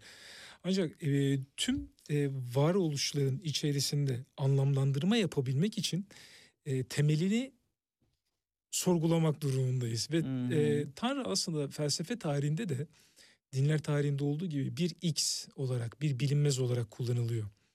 E, tüm anlayışlar, tüm çabalar da bu bilinmez olanı bilinir kılma Hı çabasından hı ibaret. hı, hı hı. Ee, somut konuları ele alacak olursak tekrar somut konulara döndüğümüzde Araf suresinde Lut kavminin e, şehvani dürtüleri nedeniyle kadınları bırakıp erkeklere yönelmekle büyük sapkınlık içinde bulunduğu belirtilir. Kur'an-ı Kerim gündelik sıradan ve genele yakın hareket eden düşünce biçiminin üzerinde bir uslup ve dille inzal olmuştur. Dolayısıyla Kur'an metni içinde geçen kelimeler bir olguyu okuyana tam ve net bir biçimde sunmak üzere seçilmiştir. Yine de bu okuyucunun zihnini bu gibi kelime ve günlük hayatta kullandığı biçimlerinden temizlediği ölçüde niyete uygun bir anlam doğuracaktır diyorsunuz. Tabii. Buradan Buna hani bu somut e, olaydaki şeyi kısmı size bırakmış olayım. Aslında burada e, söylediğimiz şey kavramsallık, felsefede kavramsallık denilen şey. Yani dini metinler e, içinde kullandığı kelimeleri layıklayın e, gelişi güzel kullanmazlar. E, kendi iç bütünlüğü içerisinde. Kur'an-ı Kerim içinde, Rigveda içinde bunu söyleyebilirim. Avesta içinde bunu söyleyebilirim. Bir kavram kullanıldığı zaman o kavram kitabın içerisinde farklı yerlerde farklı içeriklere sahip değildir. Bütünsellik bunu gerektirir. Bir felsefi metni elimize aldığımızda Descartes ya da Spinoza'yı ya da Hegel'i aldığımızda nasıl ki e, bir kavram töz kavramı ya da erek kavramı o düşüncenin bütünselliği içerisinde mutlak bir anlam ifade eder ama kavram kendini açarak düşünceye sunarsa e, dini metinlerde de böyledir. Yani dini metinler deyince işte peygamberlerin içine o anda geldikleri gibi Mesela somut başlıktan, Lut'tan yola çıkacak olursak buradaki kavramlara bakarak ne anlamamız lazım yani bütün bunları düşündüğümüzde? e, sadece Lut değil ama kitabın tamamı için söyleyebileceğimiz Tamam. bir şey. E, aklımda kaldığı kadarıyla ben o ayeti aktarayım diyemeyiz. Hı hı. Çünkü içinde kullanılan kavramlar kavramsal bir bütünlüğün e, işaretleri olduğu için kelimelerin her biri teker teker e, açıklanmalı ve içeriklendirilmelidir. Siz kadınları bırakıp erkeklere yöneliyorsunuz. İşte. Arapçasına bakmamız Hmm. gerekiyor, İbranicesine bakmamız gerekiyor ve burada neleri ortaya koyuyor? Hı. E, oradaki e, ortaya koyulan kadınlık ve erkeklik mi yoksa dişilik prensibi ve erillik prensibi mi? E, her ikisi de de olabilir. Hı. Tarih çünkü bu kitabı biz tarihsel olarak da okuyacağız, sosyolojik olarak da okuyacağız, psikolojik olarak da okuyacağız. Her bir okuma biçimi o kavramları kendi paradigması bağlamında yeniden yorumlayacak. Hmm. Nitekim diyor ki ayrıca erkek Kur'an'da ailenin sorumlusu ve yöneticisidir. Bu gibi ka- e, kullanımlardan erkeğin insanın eril vasıflarına işaret ettiği söylenebilir. Zira sorumluluk bilinci ve yöneticilik eril vasıflardır. Akıl ve onu dizginleyerek odaklanma anlamında birliğe getiren irade erildir. Evet, bu yorumu hatırlamıyordum ama fena olmamış. Evet açlık, giyinme ve korunma gibi ihtiyaçlar akıl tarafından fark edilip zihin tarafından sınıflandırılır ve zeka ile çözüme ulaştırılırlar diye. Tabii niçin mesela bu Diyor. erkeğe verildi de kadına verilmedi sorusunun yanıtı. Bu erkeğe verilmedi, erilliğe verildi. Dolayısıyla bugün dahi hala e, kadın da olsa, erkek de olsa e, zekasıyla bunu yaptığı için erilliğe dönüktür. Hı hı, O öne çıkan erilliğidir. hı hı. Cinsler arasında bile olsa. Evet. Bu arada metinleri okuyorum o yüzden hı hı diyorum. Ee, nasıl ki günah bir adam vasıtasıyla ve ölüm günah vasıtasıyla dünyaya geldiyse böylece ölüm de tüm insanlara geçti. Çünkü hepsi günah işlediler. Günah günahsız olanın yüreğinde günah bildiğine direnmesiyle bilindi diye sürüyor. Pavlus'tan bir alıntı İncil'den bu ayet. Evet peki. Şimdi e, kölelik kısmına gidelim. E, kölelikle ilgili değil mi bir e, başka e, kısım var. Kölelik ve çıkış. Kölelik tasavvuf edebiyatında günlük kullanımının ötesinde ve belki özüne en yakın anlamıyla kulluktan ayrılır. Her iki kavramda itaati ve hizmeti ifade eder. Ancak kulluk gönüllülüğe, kölelikse buyurganlığa işaret eder. Tabii önemli kavramsal bir ayrımdır. Ee. Kur'an köleliği e, savunur, Allah'ın kölesi olmaktan bahseder derler. Halbuki e, kulluk ve kölelik farklıdır. E, insan nefsine, arzularına köle ama Tanrı'ya kuldur. E, bu ikisinin arasındaki fark nedir? E, birinde isteyerek ve bilinçli olarak yönelim vardır. E, Tanrı'ya kul olmak kendi özgürlüğü için savaşmak demektir. Çünkü Tanrı'nın e, başı alındı. Tanrı'dan başka hiçbir e, gücün tanınmadığı ve kulu olunmadığı bir durumda e, siz hiçbir dinsel, hiçbir tarihsel, hiçbir iradi, siyasi gücün altına giremezsiniz. Hı hı. Dolayısıyla bu e, iradenizi ele geçiren değil, tam tersine size iradeyi geri kazandıran bir durumdur. E, Tanrı'nın kulu olunmadığı zaman ister istemez arzu ve isteklerinizin kölesi durumuna gelirsiniz. E, bu bir eleştiridir, bir manifestodur aslında. İncil'de olduğu gibi, Tevrat'ta da olduğu gibi, Kur'an'da da olan. Hı hı. E, bunun karşısında ne gibi olaylar, olgular, olaylar daha çok görüyoruz. E, Musa'nın e, İbranileri Mısır'daki kölelik evinden çıkartması gibi. E, Tanrı'nın orada bir buyruğu var ve bu kavramsal ayrım ortaya koyar. Hı Diyor hı. ki Tanrı Hı hı. siz Mısır evi, Mısır'da köleydiniz. Oradan çıkıp bana kul olacaksınız. Ve ben sizi e, kölelikten kurtaracağım.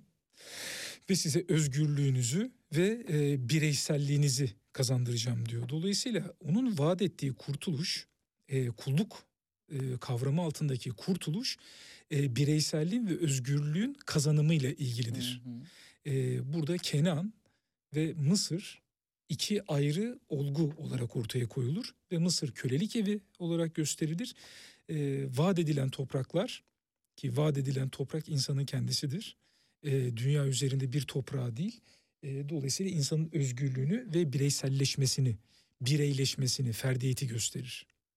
Ee, Şimdi e, siz bu kutsalın e, yorumunda ne düşündünüz? Ee, Şimdi dinlerin iddiası şu değil mi? Ee, Sadece bulundukları zamana ya da bulundukları topluma değil bütün bir zamana gönderildikleri iddiasında dinler ve bütün bir e, topluluğa ve zamana. E, fakat kölelikten de bahsediliyor. Hani köleliğin de yasaklanmadığını da görüyoruz. Hani tam bu bahis geçtiği için soruyorum. Evet. Doğrudan ilgili olmamakla birlikte. E, ama biliyoruz ki şimdi e, 2000'li yıllarda kölelik diye bir şey ya da e, çok öncesinde de kölelik diye bir şey yok ve de olmayacak. Ama mesela kutsal kitaplarda hani olmayacağı değil de sadece o dönemi ifade ediyor gibi. Yani köleliğin olduğu bir dünyayı bu, bu yorum nasıl nasıl yorumlayabiliriz yani Bu, burada e, ifadelerde? Kutsal metinler tabii ki çıktıkları dönemde ilk olarak kendi e, içinde bulundukları döneme hitap etmişlerdir. Hı hı. E, alimleri de, arifleri de yani bu işin anlayanları da ilmi dedi, bilimsel olan e, yönüne eğilenler de ilk olarak kendi bulundukları döneme göre bir yorum yapmışlardır. Ancak biz bugün köleliğin bittiğini söyleyebilir miyiz? Çok e, emin değilim. E, mesela işte Marx'ın eleştirisi o kölelik düzeninin devam ettiği ve buna baş kaldırılması gerektiğiyle ilgiliydi. E, bugün e, işte sosyal medyanın ve teknolojinin kölesi olmak ve bundan nasıl kurtulacağının e, yollarını aramakla geçiyor entelektüel Hı hı. birikimler ve aktarımlar. Hı hı. E, insan nereye gidiyor? E, şimdi bu değil mi bugün şunu konuşuyoruz işte insan bedenin kölesi olmaya devam edecek mi yoksa artık bedensiz bir varoluşa taşıyabilecek miyiz insan şuurunu? Dolayısıyla aslında insanı sınırlayan ve onun mutlak özgürlüğüne yol açabilecek tüm engelleri kölelik olarak isimlendirmiş oluruz. Peki. Eh, Nuh'un gemisi kısmına baktığımız zaman yine ilgi çeken e, bir konudur hep e, doğru. Nuh'un gemisi. Ortodoks din anlayışına göre bu efsane bir mucizenin tarihi aşarak gelen aktarımıdır. Diğer yandan inisiyasyona dahil, inisiyasyona dahil olanlar bilirler ki hayvanları gemiye almak insanın huy ve davranışlarını kontrol altına almakla yani nefs terbiyesiyle ilgilidir. Evet tasavvufi bir yorumdur bu. Ee, insanın huy ve davranışları kategorik olarak Hı hı. e, huyları farklı hayvanlarla gösterilmiştir ama e, bir huyumuz var öbür huyumuzu beklemez. Hı hı. Biz huylar bütünüyüz. Dolayısıyla aslında e, beden dediğimiz gemi ya da karakter dediğimiz geminin içerisinde bu huyların hepsini topladık ve karşıtlarıyla birlikte topladık. Her huy olumlu ve olumsuz tarafıyla e, bu karakterin içine toplanmıştır. Nuh'un e, yapmaya çalıştığı şey bunu yeniden bir karaya çıkartıp yerli yerine oturtmak. Yani günahkar olan bir dünyadan ya da şöyle e, varoluş nedenini unuttuğu bir dünyadan çıkartıp neden yaratıldığını ya da niçin bu dünyada var olduğunu hatırlayacağı yeni bir dünyaya taşımak ya da bütünlüğüne erdirmek. E, tasavvufi bir e, makale o. Tasavvuf kavramlarıyla yazılmış bir makale. Tasavvufçuların söylediği e, arındırılmış ve e, kemaline taşınmış bir insanın durumuna gelmektir. Nuh'un e, sel sonrası yeniden karaya oturmuş gemi ve e, o barış içerisindeki dünyanın yeniden temellerin atılması Hı hı. diyebiliriz. Evet. Ee, Kısa kısa geçiyorum çünkü çok şey var. Aynen çok şey var. Ben de aldığım notlar vardı. Hicret vardı mesela. O ona hiç girmemiş olacağız. Ee, şeyi anladık ama yani hani e, kitaptaki metinlerin e, yorumlanış şeklinin ne, ne olduğunu anlamış olduk dinleyicilerle birlikte. Bilge Uzun en uzun yollar tek adımla başlar iddiasıyla e, bir e, kitap yayınladı. İnkılap yayınlarından çıktı bu. Bu bir farkındalık yolculuğudur diyor. E, en uzun yollar tek adımla başlar. Bu kitabı hediye etmek istiyoruz size. Çok teşekkür ederim. İyi okumalar dili, En dileyerek verelim. Evet. Ee, bu arada bugün gelen kitaplara şöyle bir baktığımda sevgili dinleyenler bunlardan bir tanesi programda da zevkle konuk etmiştik. Osman Balcıgil'in e, son kitabı Avuçlarımda Hala Sıcaklığın Var adlı eseri. Ee, 68 kuşağının kanla, irfanla yazdığı, aşkla bezediği büyük bir destanı konu alıyor. 1960'lı yıllara götürüyor okuyucuyu. Muhalif Sesler kitabı da yine e, sizin yayın evinizden Beyaz Kuş'tan geldi. Ee, orada da bir çeviri isyan ve direnişin 3000 e, yılından devrimci e, sözcükler diyor. En güçlü silah sözcükler ve fikirlerdir diyerek daha henüz geldiği için e, detaylı incelemedim. İnceledikten sonra da onun hakkında da konuşuruz. Programın sonuna geldik. E, teşekkür ediyoruz geldiğiniz için. Var mı son olarak söylemek istediğiniz bir ben şey? teşekkür ederim. Çok iyi. Bu bitmeyecek kocaman bir alan tabii. Evet. Ee, söylenebilecek çok şeyler vardır ve e, ne kadar konuşursak konuşalım konuşmadıklarımız her zaman açık kalacak. Evet. Dolayısıyla Evet. benim için zevkti. Teşekkür Felsefeyle dini metinleri e, birleştirdi. E, değil mi? Doğru söylüyorum. Tabii. E, Kutsal'ın yorumunda İzzeter ve bunu da e, üçüncü kez okuyucuyla buluşturdu. Bu defa destek grubundan e, çıktı. Kutsal metinler üzerine hermenötik denemeler. E, bizim de dikkatimizi çekmişti sağ olsun davetimizi kırmadı. Dakikalar içerisinde 18 haberlerine bağlanacağız. Haftaya ne yapacağız diye soracak olursanız hemen söylüyorum Ee, haftaya Mustafa Çetiner e, bizim konuğumuz olacak. Ee, Fatih Yürür, Zeynep Bugay, e, Sevinç Türkmen, Hamza Yardımcıoğlu e, ilerleyen e, zamanlarda e, konuk olarak programımıza katılacak sözleştiğimiz diğer isimler. Hoşçakalın. I've